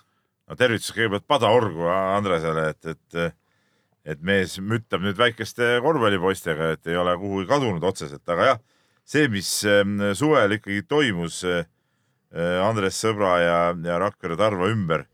äh, ma tean, et enamus korvpalliliidu juhatuse liikmed ja kõik olid, olid nagu minu arvamuste peale väga pahased, aga ma jään ikkagi, ma praegu mõtlesin selle üle, jään oma äh, seisukohale kindlaks, et äh, et Rakvere Tarva äh, meistriliigast kaotamine oli ikkagi nagu viga või no ütleme sealt eemaldamine oli ikkagi viga, sest seal ikkagi traditsioonidega ja just Andres Sõbra poolt pandud, pandud aluse pandud traditsioonidega klubi meeskond, okei okay,, sõber ise oli juba ju taandunud, eks ole, selles olukorras, jah, seal olid võlad, asjad kõik, et aga seal oleks pidanud ikkagi korvpalliliit leidma need hoovad ja vahendid, kuidas see meeskond meistriliigas säilitada, see kõik on tore, et nüüd nii-öelda Tarvas teisest liigast tuleb üles ja, ja mängib, aga noh, see ei ole, ei ole praegult ikkagi päris see. no aga jalgpallis, mis mees oleks pidanud ka säilitama selle, kes sealt välja iga, igal juhul vaata, ei kukkus saa, ei pea kõik üks ühise mõõdupuu järgi miks, võtma. miks, miks mitte noh, miks mitte? ei, aga nad ei kukkunud ju välja ju. Ei no jaa, aga no, ega, ega ei kukkunud ka Tarvas välja, sellepärast et finantsseis võime, noh. no probleem number üks oli see, et äh, Rakvere Tarva finantsseis oli ikkagi ju noh, see oli läbi, eks ole. see oli läbi muidugi. Äh, probleem number kaks oli see, et korvpalliliit oleks pidanud äh, neid, neid ütleme siis liigasse jättes vaatama läbi sõrmede ikkagi sellisele väga puhtale sellisele sahkerdamisskeemile, kus sa justkui ühe juriidilise keha lased äh, liigast välja ja siis võtad teise asemele niimoodi, et nende kohustused jäävad kuskile noh, mitte kuhugi, no, nii nagu teevad, ütleme siis osavamad äh, ärimehed äh, üsna ulatuslikult äh, ka spordiilmaga äh, üsna tihedalt äh, kokku puutuvad ärimehed. päris nii, ütleme seal no ikkagi üsna, üsna olid nii. valmis ikkagi neid kohustusi alaliidu ees üle võtma. no ainult alaliidu ees. no aga see, mis väljaspool alaliitu jääb, see ei ole põhimõtteliselt alaliidu asi no ka. ei, see ei ole päris minu arust, ma päris nõus Teisalt- sellega ei ole. teisalt olgem ausad, see, kuidas Pärnu, mul on hea meel, et Pärnu jäi muidugi. vot see, see on, see on õige ja point minu mu, ma julgen öelda, mu hea sõber John Kärp seda asja seal ajab, eks ole. aga, aga, aga see oli ikkagi ka, ei olnud ju päris, ütleme, kristall selge ja, ja ilma kellegi abikäteta ja asjadeta tehtud, tehtud äh, käik, eks ole, aga seal sai teha, seal teises kohas ei saanud. et vot see on see küsimus, mis minul ka ainsana jääb sellest, et, et miks nagu ühel juhul ütleme, mul on tunne, et ei pingutatud eriti, et pigem noh, vaadati pealt, ütleme, mis siis tuleb. Ja noh, ütleme nendele faktidele otsa vaadates minu arust nagu iseenesest tehti õige otsus, et ei olnud minu, minu teada vähemalt ka sellel potentsiaalsel satsil seal nagu seda meistriliiga ainest nagu nii rahaliselt kui koosseisu mõttes, aga, aga lõppkokkuvõttes ühte olukorda vaadati ikkagi pealt ja teise, teise sekkuti, ehk siis eh, tehti kõik eh, või noh, anti oma panus selleks, et Pärnu ikkagi leiaks võimalused jätkata. teisalt jumal tänatud, et Pärnu jätkab, sellepärast et vaata, me just rääkisime kuus satsi, eks ole, siis peaks olema geograafiliselt ka need kaetud Tallinnas üks üle, mitte rohkem ja ikkagi üle Eesti laiali, siis oleks seal no kuue jumal, satsi ma näen nagu, nagu mõtet. no eks see hädavajadus oli juba ju sellepärast ka, et kuna Rakvere selleks ajaks oli läinud, noh siis seda enam ei saanud lubada enam mitte kellegi kasumist. tõsi, jällegi tulles selle nagu eripalgeliste olukordade juurde, naisteliigast ikkagi lasti ära terve naiskond, tippnaiskond ja tippnaised, koondise tasemel naised korvpalli juurest, kus no ei suuda ka teistmoodi kui kriitiline olla, et, et seal ei suudetud leida mingisuguseid abikäsi. ütleme siin jõulud on küll möödas, aga ma loodan, et jõuluvana ka ikkagi, kui ta käis eh, korvpalliliidu juhtide juures, siis ikka see va, malakas eh, tuli sealt vöö vahelt korraks välja ka ja, ja, ja tehti natuke, natuke seal õpetust ka nendele meestele, et, et, et noh, päris nii need asjad ei tohiks nagu käia. no jaa, aga, aga nagu ma saan aru, ei puutu ju korvpalliliit korvpalliliigasse, see on eraldi äh, organisatsioon. ei ole. ei ole jah? vanasti ei, see aeg on ammu möödas. See on aeg on- täielik okei. umbluud, aga noh, Aga Jaani puhul on muidugi see tavaline. aga noh, tulles päris alguse juurde tagasi, siis ega midagi ei ole öelda, eks Andres Sõber peab omajagu vaatama peeglisse ka ikkagi, mismoodi ta neid asju ajas seal, kas oli mõtet ikkagi ütleme, mingil hetkel võib-olla küll, sel hetkel, kui finaali välja jõuti, aga kas oli nagu nui neljaks vaja nii-öelda punnida seal veel ka järgnevatel aastatel, tuua neid välismängijaid nii palju sisse mis-, eurosarja veel No minna jaa, sinna aga, ja aga siis, aga siis me kõik laulsime oma- kaasa, et, et jube äge. ei, mina küll ei mäleta, et ma oleks Ohoh. kaasa laulnud sellele absoluutselt kindlasti ei mäleta ma küll ei mäleta, et sa oleks selle vastu olnud. no küsimus on selles, et tol ja me hetkel kõik käisime seal kohal, nad võitsid veel seal mingeid mänge, vaimustusime sellest. ja aga nagu tagantjärele selgus, see kõik oli ikkagi nagu üle oma võimete oligi üle elamine. võimete, aga vaata ja, ja kindlasti, ja kindlasti ja kindlasti ja, ja aga kindlasti ei ole ma kunagi kaasa laulnud sellele, et ikkagi noh, ütleme see Rakvere sats läks mida aeg edasi aina rohkem selliseks äh, legionäride ja ja mitte kõige nooremate mängumeeste, kui me vaatame, kui me vaatame neid mehi, kes väljakul käisid, et, et need olid ilmselged vead ikkagi, et sedasama regionaalsust, seda, et Virumaal ikkagi noh, korvpallitöö ju käib, kui sa Ida-Virumaa ka veel juurde paned, kuigi viimane aasta mängiti just nende noortega ja, ja ei mängitud üldse halvasti. olude sunnil. olude sunnil, aga tegelikult sa ütlesid, et selles eh, võistkonnas nii-öelda polnud ainest meistriliiga jaoks. tegelikult juba eelmine aasta näitas ära, et oli küll ainest, said mängida küll ju. noh, kui palju neist äh, kindlad jätkajad olid sel hetkel noh, kindlasti suur osa oleks jätkanud. koht number üksteist, Peep. siiski ja jah, ei saanudki, tahtsin lonksu vett võtta, ei lastud ja äh, käisin äh, suvel Londonis kergejõustik MM-il. Eesti koondise äh, sooritus oli tervikuna oli nagu ta oli, aga üks vägev, vägev emotsioon sealt tuli ka eestlaste poolt, nii et Janek Õiglase siis ootamatu, kindlasti ootamatu MM-i neljas koht kümnevõistluses. see oli vägev, vägevad kaks päeva olid. Ütleme vägevad kaks päeva sellepärast, et kõik ülejäänud kergejõustik põrus. MM-i neljas koht oli igal juhul vägev ja on, aga me, sportlased, kes kunagi ei ole tipus olnud. meenutades kõiki viimase aja vaidlusi Jaan Taltsi ja ma ei tea kelle ainetel siin Ei. sellise lause kuulmine Peebu kõrvust tuleb minu jaoks muidugi positiivse üllatusena. ei, ei, sa ei saanud jälle asjast aru. ma olen Taltsiga alati sada protsenti nõus. mingit lilli lennujaama kindlasti õiglasele vaja ei olnud, eks ole. Siin ei ole mingit juttu selles no lilled on siiski kujundlik, ma arvan. ja ei, ma mõtlen. kujundlikku, ma mõtlesingi praegu, aga sportlane, kes muidu on olnud, ütleme äh, statist nendel võistlustel, tuleb korraga neljandaks, siis see on vägev. nii ongi. kuule, kui meil oleks Kanter tulnud maailmameistriks, mingi odav vend oleks pronksile ennast visanud, me ei räägiks nii vaimustunult sellest neljandast jaa, aga kohast. selliseid variante ju ei olnudki. no vot see oligi see, mille pärast see neljas koht niivõrd silma paistis eredalt, sellepärast et Eesti on punkt üks kergejõustikurahvas, ta on punkt kaks kümnevõistluse rahvas ja punkt kolm on see, et nüüd oodatakse Janek Õiglaselt ja võib-olla ka teistelt kümnevõistlejatelt medalit.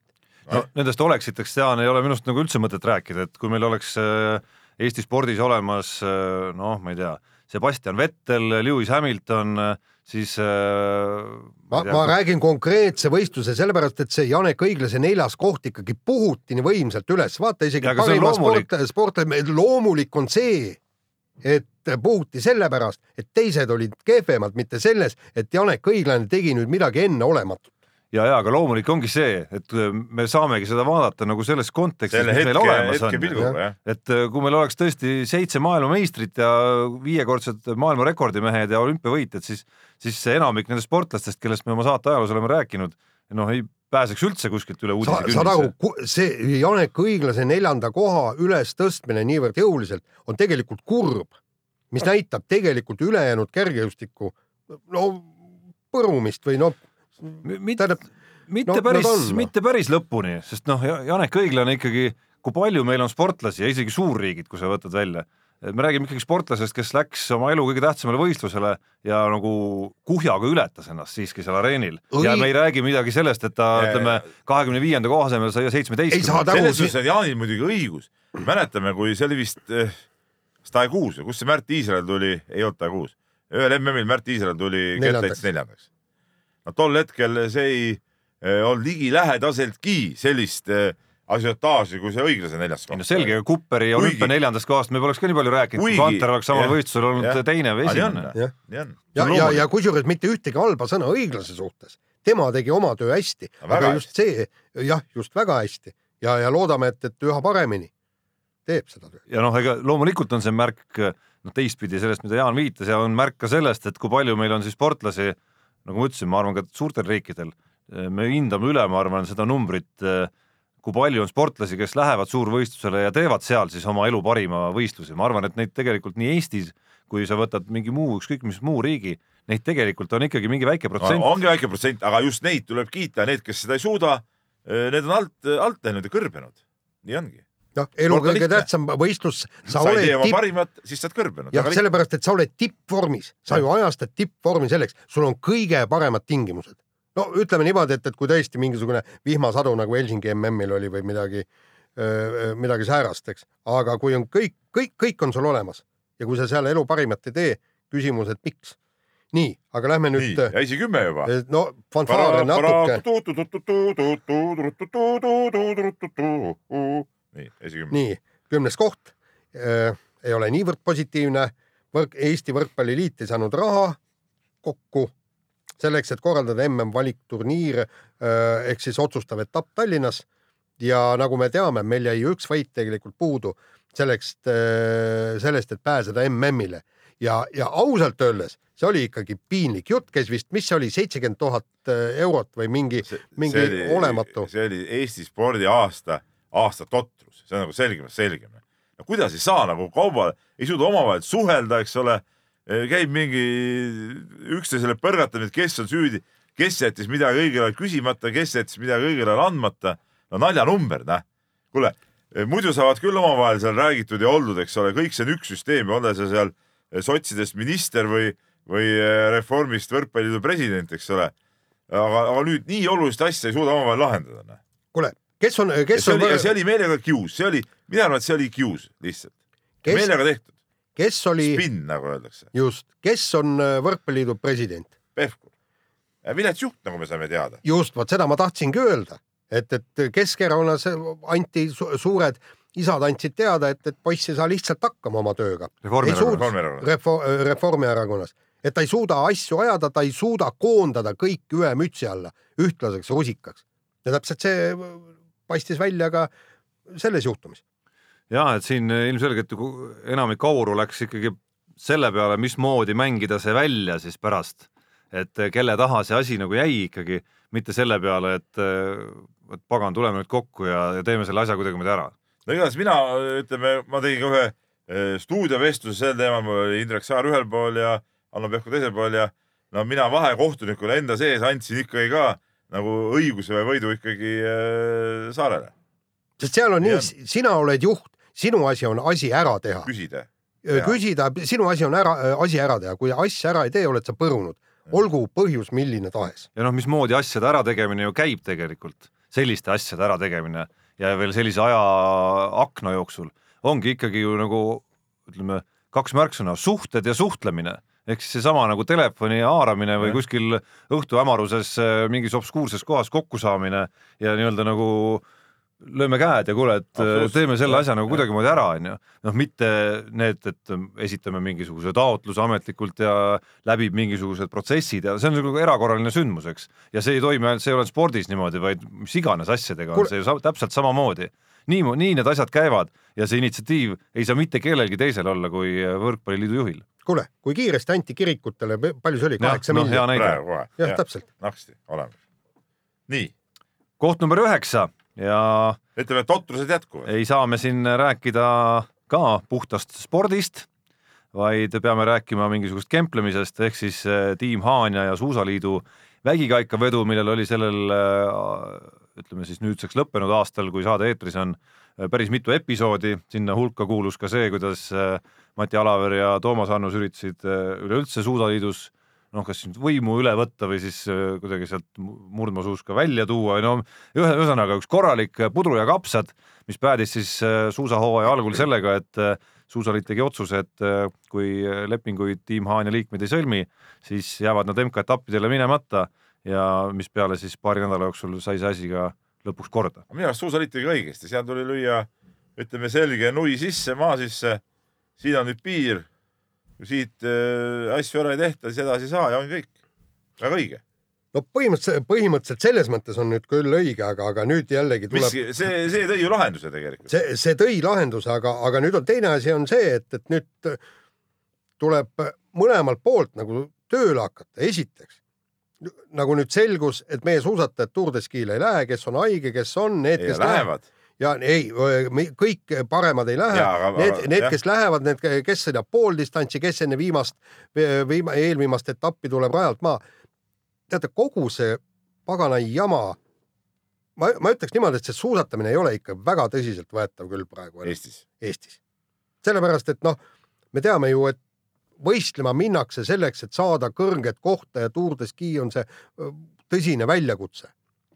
aga, aga nüüd selgub, et me lähme sinna midagi tirtsutama. kas meil tõesti ei ole Eestis mitte ühtegi suusatajat, eelmine aasta lätlane ju lõpetas selle sõidu, et kes oleks võimeline sõitma Tour de Ski'd Aga kas see Tour de Ski olümpia aastal on üldse nagu mingisugune näitaja väga? aa, see on alati näitaja, aga nii, aga me valmistume olümpiaks kogu aeg ju. ja ei, ma va- valmistuma me olümpiaks valmistume, alati valmistume meie, no see on kõik teada, need fraasid, mis sealt tulevad, et, et noh, et hooaeg on alles alguses, et tippvormis peab olema seal veebruaris, kõik, aga põhiline on see, et alati eh, eestlased, eestlaste see mudel on selline, eks ole. aga pärast eh, viimased aastad näidanud, et need, kes on seal hooaja alguses tipus, on ka siis seal veebruaris tipus ja, ja need eestlased, kes on mudas, on ka seal olnud mudas, eks ole. no aga jätab isegi ju selle aasta maailma parim suusataja Tour de Ski vahele. noh. ei no okei okay,, see aasta see aastaks, aga meie, ma tulen, rõhutan. kusjuures mingil veidral kombel, miks, miks see Tour de Ski sel aastal üldse nagu nii hiline on, eriti olümpiahooajal, tavaliselt on Ei, ta ei, ikkagi juba ju ei ole, ei detsembris pihta hakanud. ei, ei, hakkab detsembris nüüd ta hakkab jah, ei no ikka väga viimastel päevadel. no ei, ta on alati niimoodi, Ei, minu arust on ta ikka alati kuskil seitsmenda paiku lõpeb. ja, jah. kurat, Jah. ma Aga- pakuks, et ta on aja jooksul ikkagi on olnud nagu varasemaid aga ma algusi. rõhutan, meie suusasprinterid ju lootsid sealt saada häid eh, punkte, kuna sinna ju päris sprinterid kõik kohale ei lähe, siis ju valmistuti, jäeti ju mäletate, ühel MK-etapil jäid minemata, et valmistuti Tour de Ski'ks, eks ole, et seal sprindis hiilata. noh, nüüd on haiged, nüüd jälle midagi välja ei tule.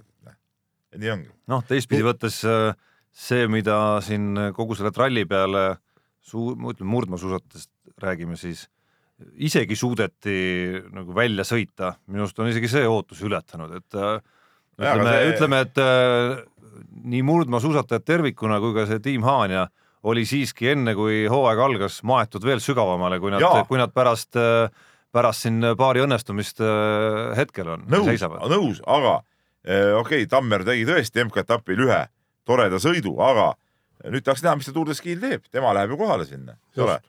kui äh, hoiab, hoiab sama taset, siis kiidame. kui näitab, et äh, ei olnud, suuda seda hoida, siis ütleme, et see oli äh, juhus.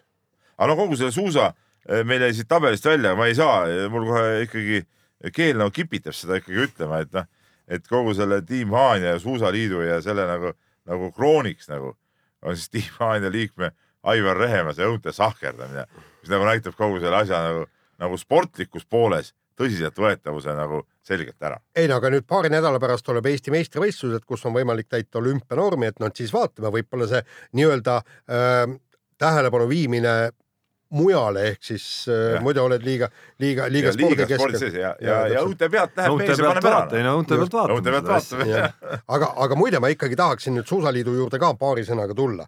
suusaliit ju kogu aeg on rääkinud ja nüüd ka viimati, kui see eh, kuulus erakorraline kongress toimus, siis öeldi, et, et meil ei ole murdmaaliit, kongresside palees. ilmselt küll. nii, räägitakse, et meil ei ole murdmaasuusaliit, et meie toetame kõiki alasid nagu võrdselt, ta-ta-ta, nii. murdmaad, nagu ma tean, tiim Haanjat ei toetata üldse, null. või siis, kui noh, mingisuguse napiga, ma olen nüüd siin natukene rääkinud, ma olen rääkinud nii kahevõistlejatega, ma olen rääkinud siin ka noh, näiteks mäesuusatajatega kõik No- mäesuusatajad ka Eestis olemas või? ja meil on Eestis ka olemas. no ütleme, see toetus neile on, on ka marginaalne, nagu öeldakse, et mille eest sa toetad? mille eest sa toetad, Jaan? spordiala, mille sportlased on maailmas umbes kahesajandal kohal mis, mis see toetuse mõte on? See on sama hea, kui sa, ma ei tea, toetad seda plasttopsi siin ju. Peebukene Noh., Peebukene, keda siis toetada? Neid, ei no mäesuusatajad kindlasti on? mitte. Kindlasti kes, ei, ei ei, stopp, öeldi ju, et me toetame kõiki alasid, keda siis toetada?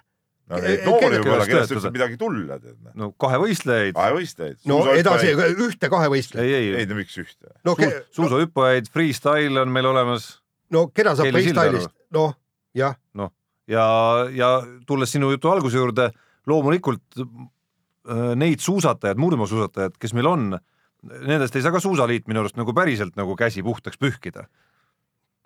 nagu, nagu nad nagu mingil määral nagu on teinud, et me praegu ei saa tegelikult ju nii-öelda Suusaliidu kraesse positiivses mõttes äh, kirjutada ühtegi nii-öelda murdmaasuusa õnnestumist, mis meil, ma ei tea, sellel hooajal toimunud on. no ega ei saa ju. ei, nendel ei saagi, eks, aga, aga seda ma ütlen, et, et suusaliit peaks suutma nii murdmaad toetada kui ka, kui ka teisi, kes jõuavad maailma karika tasemele. sellega ma nõus. ja täie ja. rauaga. ja täie rauaga. kahjuks need sinu kiidetud mäesuusatajad sinna ei, ei jõua. praegu ei jõua, aga kui nüüd täie rauaga ei toetata murdmaad, keda siis toetaks, nemad on ju praegu suusaliidu täiesti kolm esinumbrit on meil. ei no aga siis, kui meil ühel hetkel ei ole üldse. kolm esinumbrit murdmaa pandud küll ei ole. miks ei ole? no Ilves on Eesti eespool ju. ei ole vist. no Ilves, mis koha Ilves, Ilvese parim me, koht me... on, mis ta oli, üksteist või? ei okei okay,, praegu võime ei, parim koht on, kellega sa võrdled praegu? no Murdmaa ja versus Ilves. ei no Ilvese parim koht on vist parem ikka. ei, see oli ju poolfinaalis oli, üksteist on äh, see mees äh, suur sprint no,. kolm esimest küll. ja ei no kolm, äh, ütleme kolm on nelja seas noh. no, no ei, kolm on nelja seas. No, sellega ma olen nõus jah. jah, no siis vastavalt oleks ka. jah, ei nõus, nõus, nii.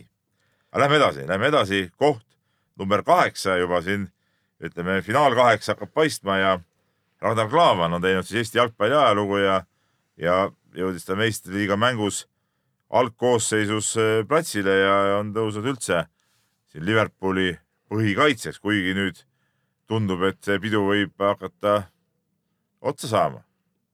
jah, aga see meistrite liiga algkoosseisu, mängus algkoosseisu kuulumine noh, nagu märgilisena noh, on, mis ta on, aga see, et Ragnar Klavan on siin aasta lõpus ikkagi olnud, ma ei ole nüüd minuteid kokku lugenud aga ma pakun isegi, et mingi perioodi jooksul olnud äh, kõige rohkem mänguaega saanud Liverpooli keskkaitsja ja seda perioodil, kus äh, Liverpool on ikkagi suhteliselt korralikult mänginud ka veel. ma ei tea, me siin räägime hästi palju ja aasta sportlaste valimistel käib ka siin äh, medalite lugemine ja vehklemise ja olümpiaalade erinevate ritta seadmine, aga lõppkokkuvõttes, kui me hakkame nüüd rääkima nagu nendest silmapaaridest, siis, siis noh Ragnar Klav on see, kus tema mängib ja see, mida tema teeb, on ju tegelikult peaaegu võrreldamatu enamikuga sellest, mida Eesti sportlased, muud Eesti sportlased teevad, enamikuga. ja see, kui mees on põllule saanud veel Inglismaa tippklubis. samas ta jälle üks väga paljudest. Noh. mis mõttes väga paljudest? omal alal, omal alal. siuksed keskkaitsjad on Euroopa jalgpallis ju küll ja küll. no siuksed keskkaitsjad võib olla küll ja küll, aga Ragnar Klavan mängib igal nädalal noh, juba tribüünidel on seal, ma ei tea, kord viiskümmend tuhat, kord nelikümmend tuhat, rääkimata nendest silmapaaridest, mis on teleri vahendusel. me räägime ikkagi nagu, me räägime ikkagi maailma ülekaalukalt kõige suuremast spordialast. ja ei, seda küll, kui me räägime silmapaaridest, siis eh, nende muude aladega võrreldes võtame meie eh, USA ülikoolis mängivad korvpallurid, kes seal on ka teleülekanded ju ju ülikooli mängudest ja väga suure vaadatavusega. ja, ja kusjuures seal on publikut ka hästi palju. publikut ka hästi palju. selle, selle põhjal ja Margus Unt veel jah muidugi selle põhjal äh, me ei saa üldse mingeid järeldusi teha. et, et, et mismoodi me hakkame siis valima selle järgi, palju keegi, kedagi keegi vaatab. no, ja, jalg, no ütleme, jalgpalli globaalsus võrreldes ikkagi üliõpilaskorvpalli ja Ameerika jalgpalliga on ikkagi noh, ka võrreldamatu. no aga kui sa lähed näiteks Ameerikasse, mis on nagu maailma juhtiv riik number üks. no aru, sa tõid ka, sa tõid ka ainsa maailmajao, kus jalgpall, see meie traditsiooniline jalgpall noh, ei ole, ütleme siis mingil väga kõval positsioonil. oota, kas Austraalias on või? ma arvan, et Austraalia on ka maailmajagu ja seal on ta, ma pakun välja umbes neljas, viies, kuues ala. noh, USA-s on kindlasti veel kaugemal. nojah, just, aga, aga tähendab, tont sellega, me oleme Euroopas, jalgpall on meil tõesti number üks, aga öö, ütleme niimoodi, et, et ega sellest Klaavani keegi ei ole mulle ka ära suutnud tõestada, see Klaavani tegelik väärtus ja kõik, kui me loeme Inglismaa meediat, eks siis kord ta saab ikkagi kõvasti pikki päid, siis jälle teda kiidetakse taevani, siis mis öeldakse. Nagu, noh? jah, siis, siis öeldakse talle, siis öeldakse, et, et ta saab pikki päid sellepärast, et ta on eestlane, siis jälle selgub, et üks, ühe mängu põhjal üks äh, annab talle mingit kahe, indeks kaheksa, teine annab indeks viis et, et si siin on tõesti noh, nagu praegusel hetkel oli, siis kolmas, kolmas vend ütleb niimoodi, et, et, et Klaavan ei peaks üldse nii tugeval tasemega mees, meeskonnas mängima. et vot see on nüüd nii-öelda mitte jalgpalliinimesele on, on see natukene selgusetu ja arusaamatu. ma olen tema mänge vaadanud, ma, ma, ma ei oska seda nii puhtalt analüüsida. kas see virvarr nagu ei näitagi, et see ei ole tegelikult nagu väga tõsiseltvõetav, see nagu ütleme nädalast nädalasse iga üksiku esituse pealt kõikuv mingisugune tohutu üldistus selle kohta, kui hea siis Klaavan on või, või ükskõik, mis mängija tegelikult no on. aga neid, neid asju on ütelnud välja ju väga autoriteetsed tegelased. ja aga jumal hoidku, kaitsjad mingis mõttes ongi ju jalgpalliväljakul noh, ma ei, ma ei saa nüüd öelda sellepärast, aga aga ütleme, kaitsjate saatus ju mingis mõttes on ikkagi väga tihti olla ründajate poolt üle mängitud jalgpalliväljakul. see käib justkui nagu ameti sisse nagu, ainu-, ainukese vahega, et kui äh, väravavahid äh, lasevad endale lüüa, siis kui see, kusjuures mingi väga suur pirukas ei ole, siis, siis keegi ei hakka nagu väga nagu näpuga näitama, siis kaitsjate puhul noh, ikka väga teraselt, mul on tunne nagu iga väiksemgi aps loetakse üles ja need järeldused on nagu väga kerged tulema. ja aga vaata, vaata siin nüüd tekibki see, et, et äh, Ragnar Klavan on kaitsja ja, ja, ja tavaliselt olete kuulnud, kas kaitsjaid valitakse maailma parimateks äh, jalgpalluriteks või kuskil nii ei ole tavaliselt ja vaata siin, siin ongi see Klavani probleem. väravaht, tema on nii-öelda viimane lukk, eks Mart Poom, väravavaht on ju tunnistatud ka no ta saab päästa rohkem, eks ole. just täpselt, aga, aga, aga see ongi see äh, Klaavani probleem, et ta on kaitsja ja, ja äh, nii-öelda need, kes ei ole väga sügavalt jalgpalli sees, nad ju teevad ka oma otsused, kas ka paremate valimisel või kõik sellest, et jah, ta on tubli poiss ja kõik, aga, aga ta ei ole silmapaistev, ta ei ole staar. ei, Sami Hüübija ta muidugi ei ole suutnud olla, see on selge, aga väga sümpaatne on see aasta lõpu nii-öelda spurt ja tegelikult ka need viimase aja laused eesotsas Jürgen Kloppi enda lausetega, mida ta on äh, Klaavani kohta öelnud. kiidame igal juhul, aga ootame nüüd huviga, mis hakkab saama, kui meeskond on täienenud esimesest jaanuarist. just, aga, aga kindlasti see Klaavani edulugu annab, annab teistele noortele on võimalik jalgpalluritele iseenesest ka. nagu, nagu täitsa tavalisel Eesti mehel jõuda, no tavalisel, noh, nii-öelda tavalisel Eesti jalgpalluril jõuda ikkagi päris kõrgele.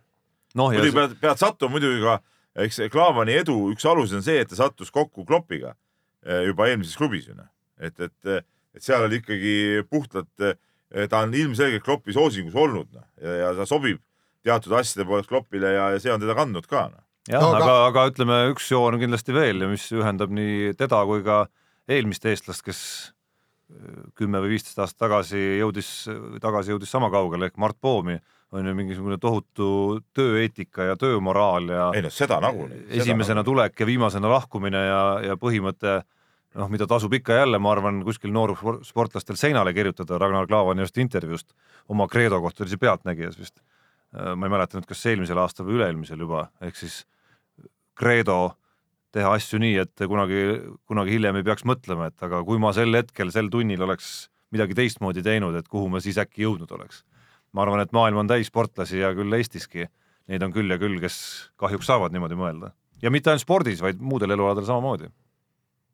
nii, aga lähme nüüd koha juurde number seitse ja jällegi tennis, aga seekord Anett Kontaveit, kes tõeliselt murdis läbi maailma tennisse. ma ei tahaks öelda tippu tipu veerele, tipp on see, et, et kes võidab suure, kindlasti päris ei ole jah. jah, just. Aga-, kuigi meil räägitakse jube palju tippsportlased ja kõik noh, selles mõttes tippsportlane, okei okay,, see on arusaadav, eks, aga see, et, et jõudis tennissi tippu, ei ole, ei ole Kanepi kunagi tennissi tipus olnud, ei ole ka Kontaveit, aga nad on seal tipu veerel, kus kaks-kolm sammu ja vot sa oledki seal kõige kõrgemal astmel. aga see, kuidas Kontaveit muidugi seda aastat alustas, see oli ikka võimas. ja see, kuidas ta lõpetas seda aastat, see oli jälle kurvaks tegev. no nii on, aga noh, selles suhtes äh, ikkagi nagu noor sportlane ja, ja ma arvan tõesti, et ta puht füüsiliselt emotsionaalselt väsis ära sellest hooajast.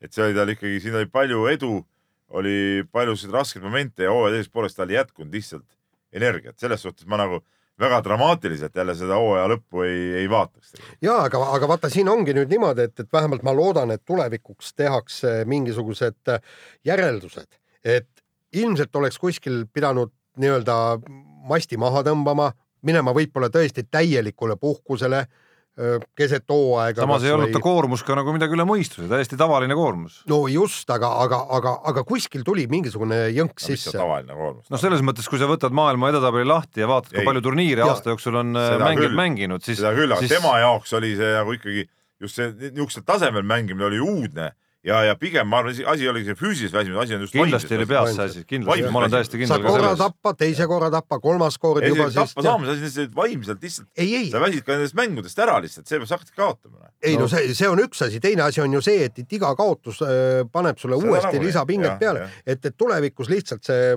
Anett peaks teadma, et, et kui tuleb niisugune öö, kaotuste jada sisse üks-kaks turniiri, võib-olla tõesti tuleb öö, aeg maha võtta, treeneriga maha istuda, teha, teha trenni tugevalt, noh, mida iganes, aga, aga seda tuleks muuta, et, et nii- nii tulevikus ei juhtuks. kus ta oleks maailmas olnud, kui ta oleks seal enam-vähemgi mänginud? Äh, kui- kui siin korra ma võtsin lahti veel Aneti selle aasta tulemused, et see krõks käis läbi siis pärast juulikuist Gstadi turniiri alates augustist siis esimese ringi kaotus Kvitovale, maailma kolmteist sel hetkel, siis esimese ringi kaotus Lucic Baronile, maailma kolmekümne esimene, siis Safarova kaotus esi, ka esimeses ringis US Openil, maailma kolmekümne seitsmes, ükski ei olnud ka selline noh, mille pärast peaks nagu tegelikult nagu väga masti laskma langeda, et need olid täiesti korralikud vastased äh, ei olnud mingisugused, siin on kolm seti, kolm, kõik on kolme seti kaotused ka veel, et need ei olnud sellised kaotused, mille järel oleks nagu pidanud tekkima mingi selline, aga tundub, et midagi tekkis. ja, jah, ja aga samas sa oled ju võitnud maailma esi, esireketit, nii et, et see, et, et sa kaotad kolmekümne seitsmele, see on äh, normaalne ja okei okay., aga see ei ole nii, et ah, no näed, et tal ei olnudki lootust, eks. nii, aga äh, käes on koht number kuus. Venemaa ja doping on kaks sõna, mis ka aastal kaks tuhat seitseteist on käinud käsikäes uudiste pealkirjades äh, ja rahvusvaheliste spordijuhtide erinevates otsustes, mille tipp oli siis see, et äh, Venemaa delegatsioonina jääb ka PyeongChangi olümpiamängudelt eemale. no taas üks selle aasta üks totramaid asju. Totramaid asju, just seesama olümpialt eemale jäämise otsustamine sellisel kujul, see on nagu, see on nagu totruste tipp. ütleme teine asi, mis, mis mind ikka jubedalt häirib nagu, mida me Jaan ka rääkisime ühe, ütleme, kuidas ma ütlen, ühe äh, ütleme juristiga, siis ütleme nii, et mitte siin avaldada, eks ole. et, et, et väga kahtlane on ikka see, kuidas üks äh, koputaja räägib ühe koputaja jutu põhjal, on kogu see asi üles ehitatud, eks ole, ja, ja, ja selgusetud on selle venna äh, motivatsioonid ja, ja kui palju seal ikkagi seda reaalset tõde on, kindlasti seal mingid asjad on, muidu ei saaks nagu midagi olla, eks ole. seal mingid asjad on, aga, aga, aga selle, selle peale kõik üles ehitada, see ei ole nagu, nagu õige. no ma, ma isiklikult äh, tahaks näha, et, et kuidas kõik see protsess lõpeb spordikohtus, et väidetavalt need äh, seal jaanuarikuus juba hakatakse seal istungeid pidama ja kõik, eks. et äh, jah, tähendab, ma usun ja ma olen täiesti ka veendunud, et Venemaal käis mingisugune koll- kollektiivne dopingu tarvitamine, ma olen selles kindel. nii nagu käib see igal pool. just täpselt ja sellepärast ja sellesama juristiga me ju ka sel teemal äh, pa paar sõna rääkisime. Et täpselt samasugune dopingu tarvitamine käib ka Ameerikas. ainukene vahe on see, et Ameerikas käib see läbi erafirmade. Ehk siis nii-öelda eralaborite kõik, eks, et kuna, kuna eralaborid on tugevamad kui riiklik süsteem.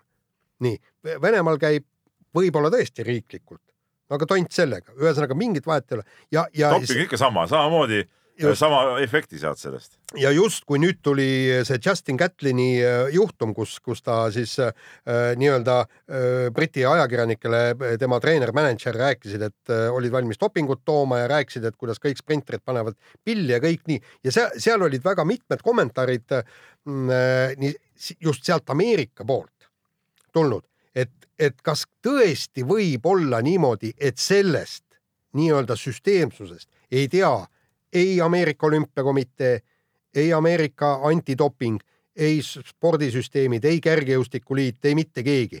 järsku on täielik üllatus, tohoh, et meil ka niisugune asi või?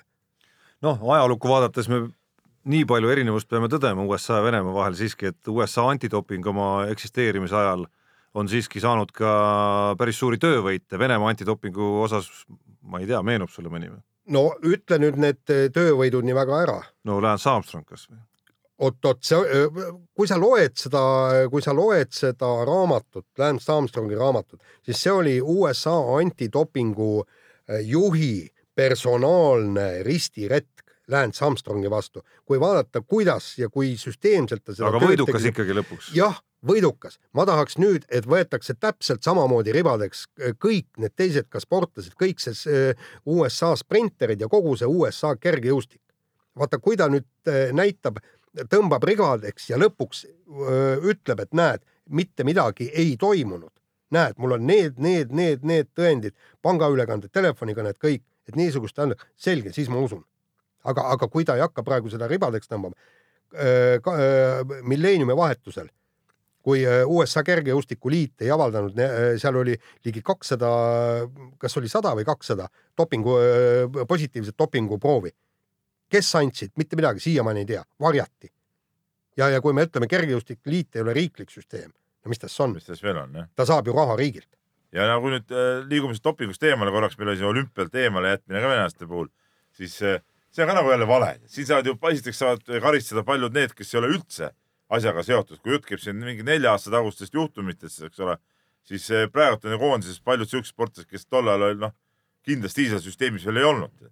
ja, ja siis samas sa lased nad ikkagi võistlema mingisuguse mingi olümpialipu all, no see on mingi totrus, no tegelikult see on ju totrus täielik ja see on juba poliitiline äh, ilmselge poliitiline küsimus ja poliitiline vari on sellel asjal. jah, kui oleks ukse kinni pannud, ei, keegi ei saa, kõik, punkt, eks. No aga No- no, siis, siis me räägime ju hoopis teisest Ei, no siis hulgast oleks- süütutest kannatajatest. ei no siis oleks veel hullem siis Ei, siis ta oleks siis, hullem, siis Peep kogu läheks juba kuradi ei, hanguga praegu ei, ja kuskile. kogu see, ma ütlengi veel kord, kogu see riigi eemaldamine, see ongi, see ongi totrus ja see ongi poliitiline jura tegelikult. noh, võtad maha need, kes on vahele jäänud kõik.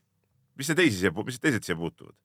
no mingi teistpidi loogika on ikkagi süsteemi karistada, aga sportlasi hoida, kelle puhul ei ole kahtlust, et nad no ütleme, põhjendatud kahtlust, et nad eh, ei ole puhtad. no jällegi mis sa tõesti arvad et, et kui, kui äh, ma ei tea, mõni Vene sportlane seal või äh, see nii-öelda Venemaa hokikoondis mängib, et me karistame süsteemi sellega, et neil ei ole Rossija ette kirjutatud äh, ja, ja siis, ega siis keegi ei teagi, et nad on venelased, ma mõtlengi, et oo, see ongi mingi anonüümne olümpiakoondis, näe, et äh, seal mingid Kovatšukid mehed mängivad, aga ma ei tea, mis rahvusest nad huvitav võivad olla, tead, et nad on olümpiarahvusest no,.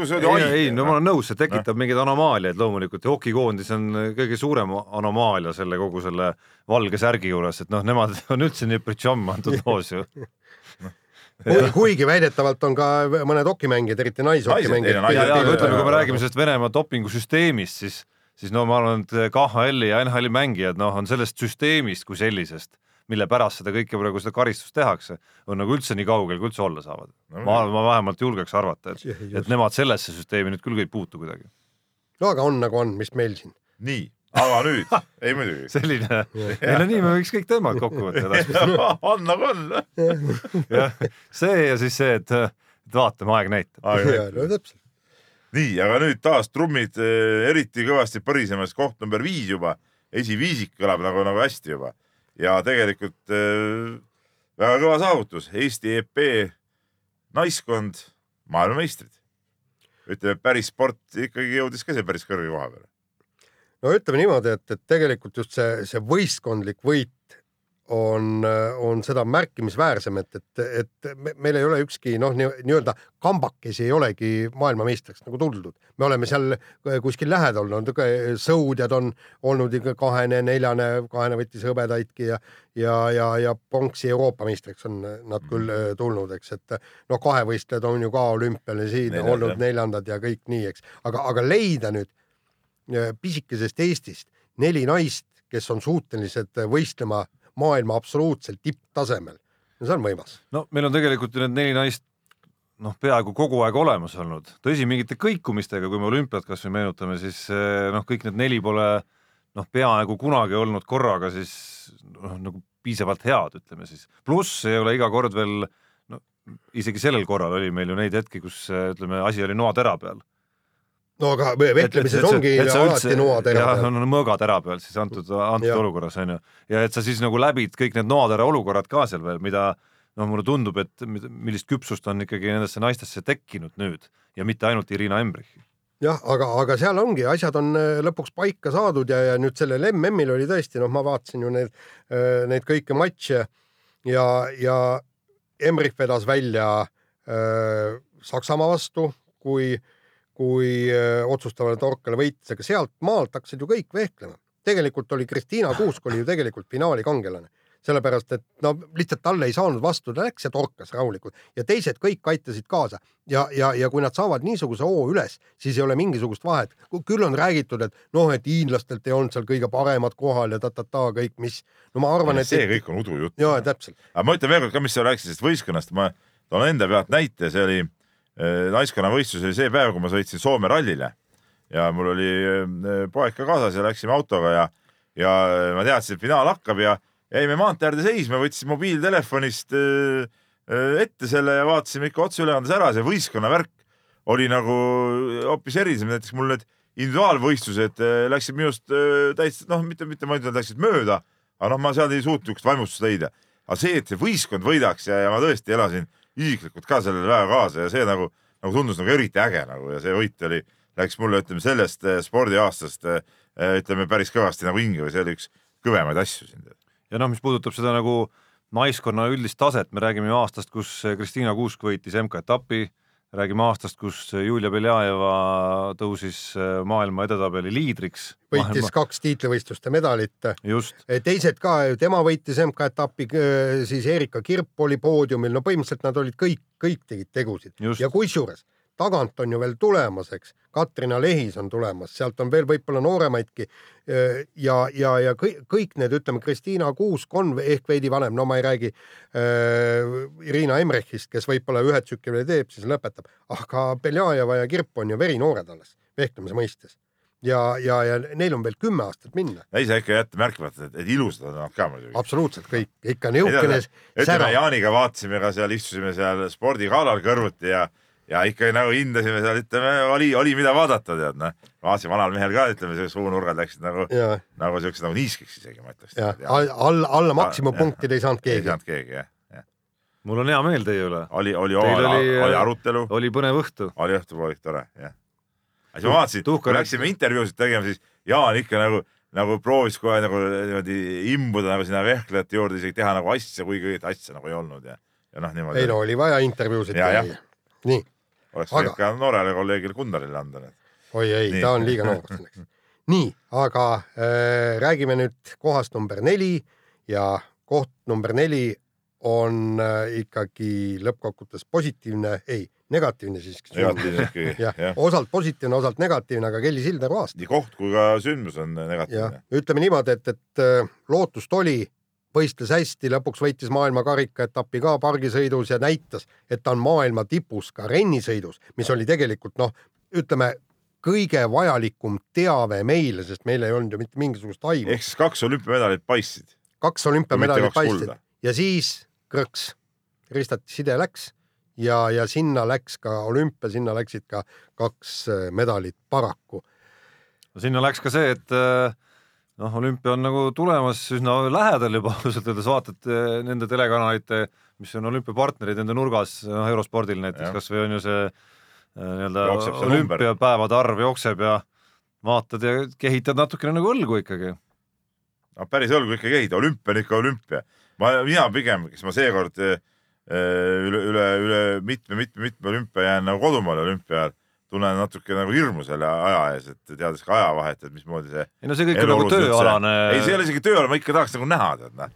tahaks ikka näha ikka, olümpia on ikka, ma mäletan väiksest peale, ma olen vaadanud isegi maadlust ma olen vaadanud ja, ja ma ei tea, mis judot, mis on täie umbluualad minu silmis, no vaatamise ei, ju on väga äge ala. Äh, olen vaadanud ja, ja eks ma vaatan seekord ka kõik need, vaatan isegi selle kottpükste suusalöterdamise võib-olla ära. sest see on olümpia, eks ole. aga, aga aga, aga no tervikuna jah, et, et, et see Kellil niimoodi läks, noh, minu arust see oli mõistlik otsus, kui see nüüd nii ka jääb, et nad ei hakka selle olümpia peale, ei hakanud üle push ima, see oli nagu kõige tähtsam minu arust. ei no ma ausalt öeldes ma küll, terviserisk oli, oli, oli, oli ja on ikkagi väga suur. ma küll jumalasse ei usu, aga ma antud juhul olen valmis palvetama isegi, et ärgu nad jumala eest hakaku seal ka mingisuguseid riske võtma sellega. kuigi Jaan on siin mingit teooriat üritanud tõugata küll, et oot-oot, vaatame, vaatame, et küll ta ja ma tõukan Küll ta siiamaani, et, et ega me, mina ei ole ennem kindel, kui on tehtud lõplik otsus ja, ja olümpiale minda, sest me, ma ütlen, me sa,, saate aru, puudub täielikult info, kuidas on jalg paranenud.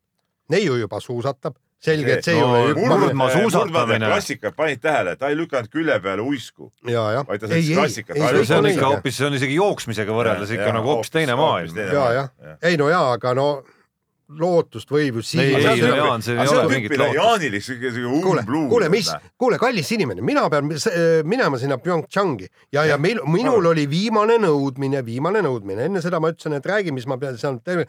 kirjalikult paluks mulle esitada nõuded, milliseid artikleid ma pean kirjutama. ma sulle ütlesin, noh, kõik sa see, märgiluu, kes märke ostab, müüb, olümpia ja seks kindlasti. olümpiaseks, mitu kondoomi on äh, kapi peal, siis Siis- kohalik söök, kohalik söök. kohalik söök, noh, siis ongi juba olümpia läbi. no Tuled okei koju tagasi. ja kuule, kusjuures selles olümpiaküla mõttes, reportaaž kindlasti. sinna ei saa sisse enam. aa, ei saa sisse enam siis seda ka ei ole enam. aga selles mõttes on ikkagi hea, et, et samal ajal on Rootsi ralli ja ja korvpalli mina mängud. lähen, mina lähen Rootsi ralli rahulikult, saan seal mõnuleda samal ajal.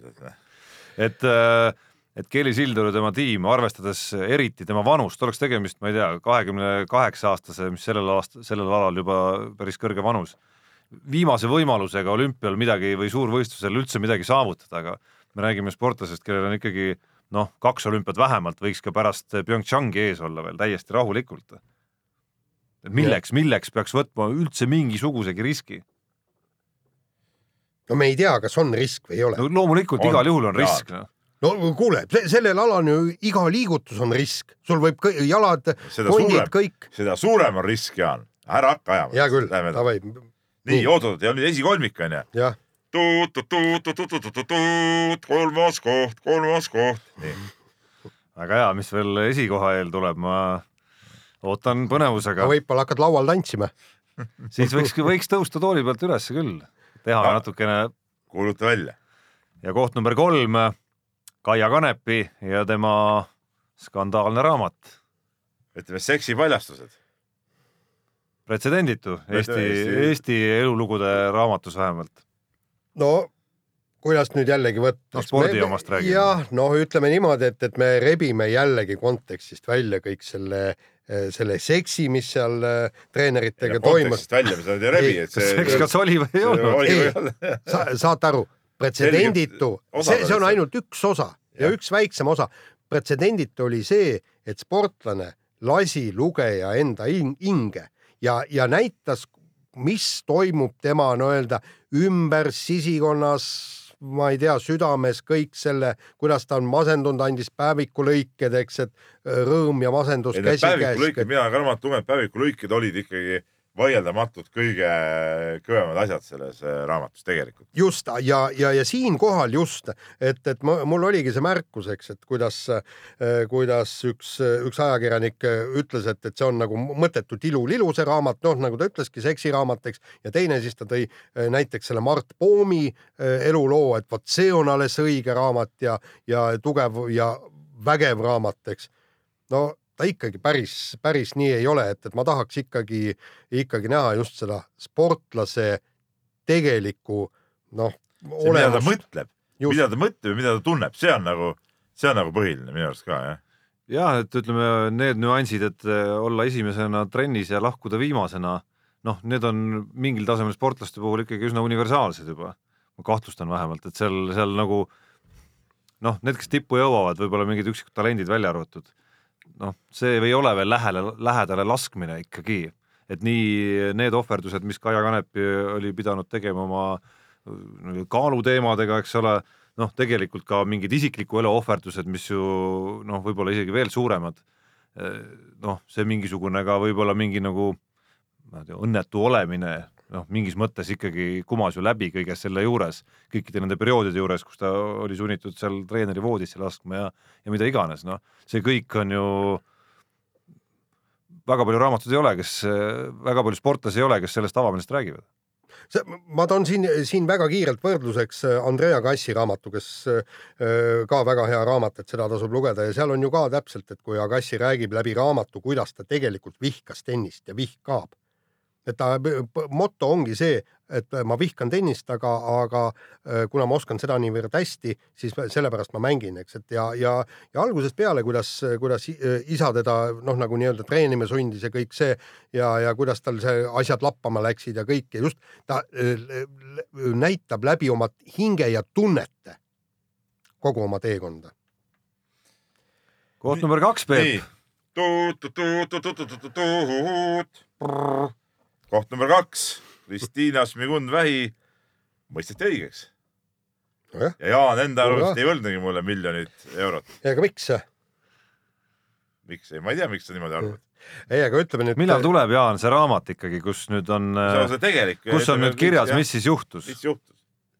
no ma arvan, et, et selleks peab ilmselt rahvusvahelise olümpiakomitee poole pöörduma. ütleme niimoodi, et, et see on tegelikult äh,, me ei saa rääkida nii ja me ei saa rääkida naa, enne kui me võiksime teada, milles see, selle tõetera peitub ikka neli aastat nämmutati ja nämmutati, mitte midagi ei räägitud, ei üks osapool, ei teine osapool ja minu jaoks on ikkagi jällegi, ma olen seda öelnud ja räägin ka edasi see, et, et Kristiina ei soovi rääkida ja tema tiim ei soovi rääkida, okei okay,, see on üks.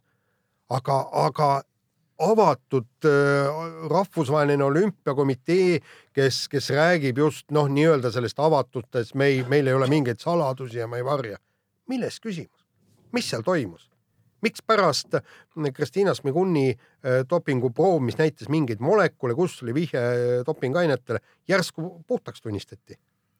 et see asi lahendati nagu selles suhtes halvasti, et äh, jah, ametlikult äh, kõik on puhas, kõik äh, nagu okei okay,, medalid on alles, aga jääb ikkagi see totter aga nagu, sest et mingi tunne on, et siin noh, midagi jäi meie eest varjule, mis jäi varjule, me ei tea ja, ja sellepärast noh, ütleme mingi on, on ka nendel medalitel ikkagi selline noh, mingi oma sihuke varjunud kord on nagu peal. kusjuures keegi nendest osalistest nüüd, ei Kristiina Šmigun-Vähi, ma ei tea, Rokk või spordikohus või ma ei tea, Vada või kes iganes on seal kaude olnud seotud veel, ei saa nagu, ma ei tea, meile siin või üleüldse avalikkusele ette ka heita, et me üldse nagu seda teemat kuidagi jätkame ja arutame ja ei, ei hõiska sarnaselt Urmas Sõõrumaale, et lõpuks jõudsime ära oodata selle päeva, kui kui Kristiina ametlikult puhtaks sai, mis pikka aega oli Eesti Olümpiakomitee koduleheküljel kõige värskem uudis ka kaks, kaks nädalat pärast selle uudise avaldamist, et et noh, ei saa ju pidada avalikkust äh, nagu lammasteks, kes äh, kes kuskil aastaid tagasi, kellele öeldi, et midagi oli kahtlast, täna öeldakse, et midagi kahtlast ei ole. Unustage ära, me peaks nagu lambad mõtlema, et oot-oot, aga mis asi see nüüd oli siis ikkagi, et mis see nüüd oli? Ja siis kuskil on veel äh, ütleme, Anatoli Šmiguni intervjuu näiteks, kust mingi äh, täielik umbluu. no mis võis olla täielik umbluu, aga kus meenutame, oli ka koht näiteks selle kohta, kus ta rääkis sellest, kuidas äh, ja see, ma arvan, ei olnud mingisugune umbluu, kus ta rääkis sellest, et äh, et Venemaa kolleegid on huvi tundnud, et huvitav, kes need olid, kes äh, nende advokaatidena kaitsesid teid seal, et Jah. meil oleks ka vaja nende abi ja, ja kusjuures me teame, et tõesti on Ja, tuntud no, äh, noh, ja, mis viitab ilmselgelt sellele, et mis võis umbes toimuda, kus organites ja, ja kes selles asjas siis nagu kõige rohkem tööd pidid tegema. ja sest kui me vaatame neid teisi otsuseid, kus on sportlased õigeks mõistetud, no see, see, noh, teid on olnud kümneid, eks seal on olnud niimoodi. jah, me võtsime dopinguproovi, dopinguproov oli positiivne, aga vigu tehti seal laboris, vigud võib-olla tehti see, üks purk ei olnud lahti, kõik nii ja sellepärast tuli see sportlane õigeks mõista. no kasvõi Veerpalu juhtum, eks väga No no,, just. väga, väga selgelt räägiti ära, kuidas lugu oli nende piirnormidega, nende piirnormide tõestamisega, kõik oli otsuses kirjas ikkagi. no just ja, ja, ja nüüd järsku öeldakse, et ei, positiivset dopinguproovi ei olnud ja, ja ma veel kord ütlen, et see on tegelikult äh, mulle tundub, et et see on ikka rahvusvahelise olümpiakomitee käkk ja seal on olnud mingisugune tõsine jama, millest üldsust ei teavitata. ja ma usun, et see on rahvusvahelise olümpiakomitee, kes, kes on nii-öelda Kristiina Smeguni ja teiste suu kinni pannud. nii, aga nüüd no Peep, trummid põrisevad, koerad lõrisevad, esikoht, nii, kõik, palun. vot No. no. mulle tundub, et ta iga korraga nagu väsis nagu ausalt Ei. öeldes rohkem. nüüd oli pidulikum. nii, aga Te oota mitte, tee korra veel, ma üritan sellest pidulikkusest nüüd aru saada. trummid põrisevad, koerad lõrisevad, ja nüüd esikoht. nii, ega midagi ei ole öelda. üks mees on teinud hätt-triki, Hätrik, jah. kolmas aasta, kolmas kord ja taas Ott Tänak esimene ja just tänu oma läbimurdele maailma, vot tema puhul võib öelda tippu. tema puhul võib, sest tema võidab rallisid. tennisistid veel suur Grand Slam ei võida, tema äh, ja MM-i medalimees. MM-i medalimees. no mõtlesime, mis me Eesti mõtlesime siin, mõtlesime, mis me siin mõtlesime enne saadet veel, et et kus see nüüd kõlbab, et Ott Tänak kolmandat aastat järjest esimesel kohal, aga Pole valikut. ei ole nagu selles mõttes valikut ikkagi jah, kui me vaatame kasvõi äh, noh, räägime jälle nendest silmapaaridest, jah, tõsi, need rallilugude võrdlus natukene on ebaaus teiste suhtes, me räägime mitu päeva kestvast sündmusest, aga ikkagi, kui me räägime terve Delfi uudistest aastal kaks tuhat seitseteist, siis äh, top kahekümne loetuma seas seitse on Ott Tänaku erinevad rallid, seitse tükki. nii on ja siin nagu midagi polegi midagi kommenteerida, see juba näitab ära. see näitab ju selgelt ära juba. ja muidugi teine asi on ju see ka, et, et räägitakse, et noh, et, et et, et kui palju on siin Klaavanil pealtvaatajaid ja võib-olla Margus Hundil ja kui palju see. tegelikult on rallil pealtvaatajaid on ju seal nädalavahetusel, tähendab ühel päeval on sada tuhat pealtvaatajat ühel päeval. No mitte igal pool kindlasti. ei, mitte igal pool, aga, aga pa- paljudel rallidel ja, ja seal no on suurem, suurem vahe tekib sisse kindlasti ikkagi nagu selle telepublikuga, mille erinevus on kindlasti väga suur. jah, aga, aga ütleme niimoodi, jalgpall ütleme jalgpall kindlasti öö, on, on, on kõvem kui ralli, aga ma ei ole sugugi kindel, et, et noh, noh nagu need korvpall ja mingid muud alad nii väga no võitleks. globaalselt tühi ikka, globaalselt ikka on, aga mis mulle jätame- meeldib, mis mulle publiku- meeldib, on see, korra see publiku mõtte lõpetuseks lihtsalt, et mulle tundub, et äh, autoralli kui ala on ikkagi väga korralikult võtnud nagu mõtteaineks selle, mismoodi ennast telesõbralikumaks muuta, mismoodi äh, oleks mõistlik ja kuidas saada rohkem seda eetrit, kasvõi selles suunas mõeldes, nagu ma aru saan, et äh, kiiruskatsed näiteks oleksid natuke lühemad võib-olla ja neid pikkasid oleks vähem, see muudaks ka natukene nagu telesõbralikumaks selle asja no sportlikus mõttes nagu hardcore rallifänni jaoks võib-olla küll, aga, see, aga see ei kõlba, ma, ma saan aru, seda õnneks ei tule. aga teist, teistpidi ma olen alles hiljuti ühe ralli inimesega rääkisin, kes ma arvan, päris adekvaatne sel teemal ja kes ütles, et see suund pigem on sinnapoole. no ma ütlen, praegu MM-il vähemalt seda igatahes ei tule. ei, no mitte nüüd ja kohe, aga, aga, aga kui rääkis Ott Tänakust, siis ikkagi tegemist on äh, reaalse sportlasega, kes ütleme kui nüüd midagi väga-väga nihu ei lähe, siis ütleme veel ka järgmise, ütleme kahe-kolme-nelja-viie aasta jooksul võibki olla meil ikkagi sihuke absoluutne tipp, ütleme absoluutselt ka tippalal, okei okay,, kui võtame autospordi, siis autoralli ei ole päris vormel üks, aga ta on ikkagi ka nendes riikides, kus MM-sari toimub, etapid toimuvad, ta on ikka väga tähelepanuväärne spordiala. ja kusjuures tuleb vaadata ka ralli asendit Eestis. et, et kui me paneksime läbi aegade populaarsemad spordialad, siis kindlasti oleks äh, ralli on väga, väga tipus ja, ja, ja ta, ta oleks kindlasti juba, juba sest et juba Vene ajal, ütleme Nõukogude. Liidu ajal rallit järgiti väga-väga kõvasti, kõik need vanad Eiki Ohud ja, ja Vello Õmpud ja need kõik olid ju ikkagi ka rahva iidolid juba toona. just ja, ja sealt tulebki niimoodi, et, et korvpall on raudselt esimene ja mine sa tea, et no motosport no moto, moto, moto, moto tuleb see teiseks kõik ongi seal niimoodi. ja see on number, number kaks. et igal juhul väga kõva ja, ja me ootame, ootame nagu kannatamatult või noh, mina vähemalt ootan Ott Tänaku uut hooaega ja nii-öelda uut algust uues tiimis. et äh, kui, kui nüüd meenutada sinna päris aasta algusse tagasi, siis ega vist paljud ei oleks pakkunud niimoodi tõsimeeli, et ühel hetkel on ta ikkagi täielikult ja mitte päris hooaja algul, vaid juba seal hooaja teise poole algul MM-tiitli konkurentsis. no ta oli peaaegu lõpuni välja, peaaegu lõpuni välja oli, oli ütleme punkti mõttes nagu konkurentsis veel. ja, ja tegelikult me ju öö, eelmine, eelmine aasta, kui meil saade oli, me püstitasime küsimused, uue aasta küsimused. meie küsimus oli, et, et kas Ott Tänak võidab MM-ralli, eks.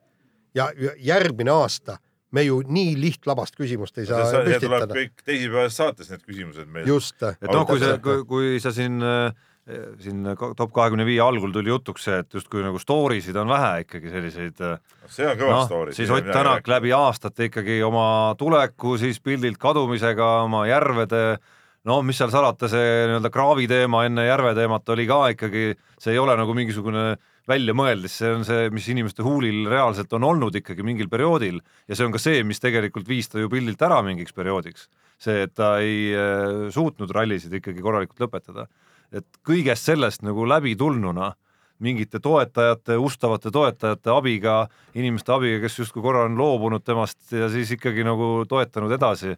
vägev ikkagi ses mõttes. ja, ja kusjuures sellel hooajal käis nagu mingisugune klõks, sest ta ei olnud sujuv üleminek nii-öelda kaavisõitjast kuni, kuni tippu, sest eelmine hooaeg ta ju tegi ka, vaata, ei võitnud seda Poola rallit ja tal oli ka nagu äpardusi palju ja nagu praegu, kes, kes oli, kes see, kes see ütles, tema sõnu tsiteeriti, et ta on üks kindlamaid võidusõitjaid no, maailmas. ütleme, ta oli ju tegelikult ainult Poola ralli, tänavusel aastal samamoodi jälle Poola ralli, eks ole, oligi ainuke sihuke, mis nagu lõppes ju Äh, nulliga nii-öelda, päris ja, nulliga no,. jah, ja, Korsika oli ka. okei, ta sõitis seal pärast edasi, aga Poola oli see, kus nagu mhm. midagi ei toimunud rohkem. aga enamus rallidel ta oli ju kogu aeg ikkagi nagu konkurentsis ja, ja, ja suutis vaatamata sellele, et ta suutis näidata superkiirust, suutis ta ka püsida teel, see oli nagu põhiline. pagan, nüüd tulid ju kuskilt, kuskilt tuli see imepärane video, vaata, kus ta oli Saksamaa rallil kuidas ta seal asfaltil selle olukorra ära päästis, kus ta oli täiesti välja minemas ja kõik, et, et kui, kui sa vaatad, et kuidas ta nüüd seda äh,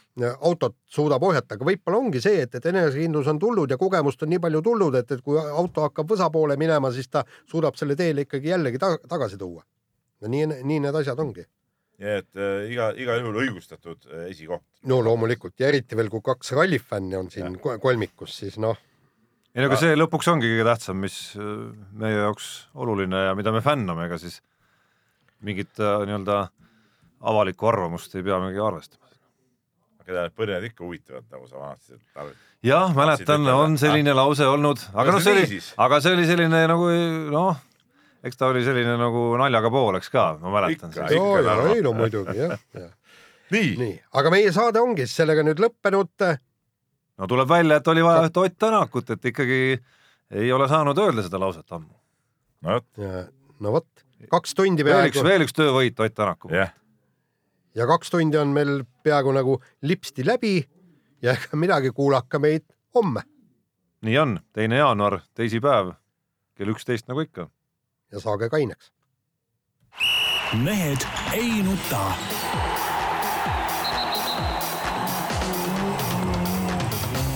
mehed ei nuta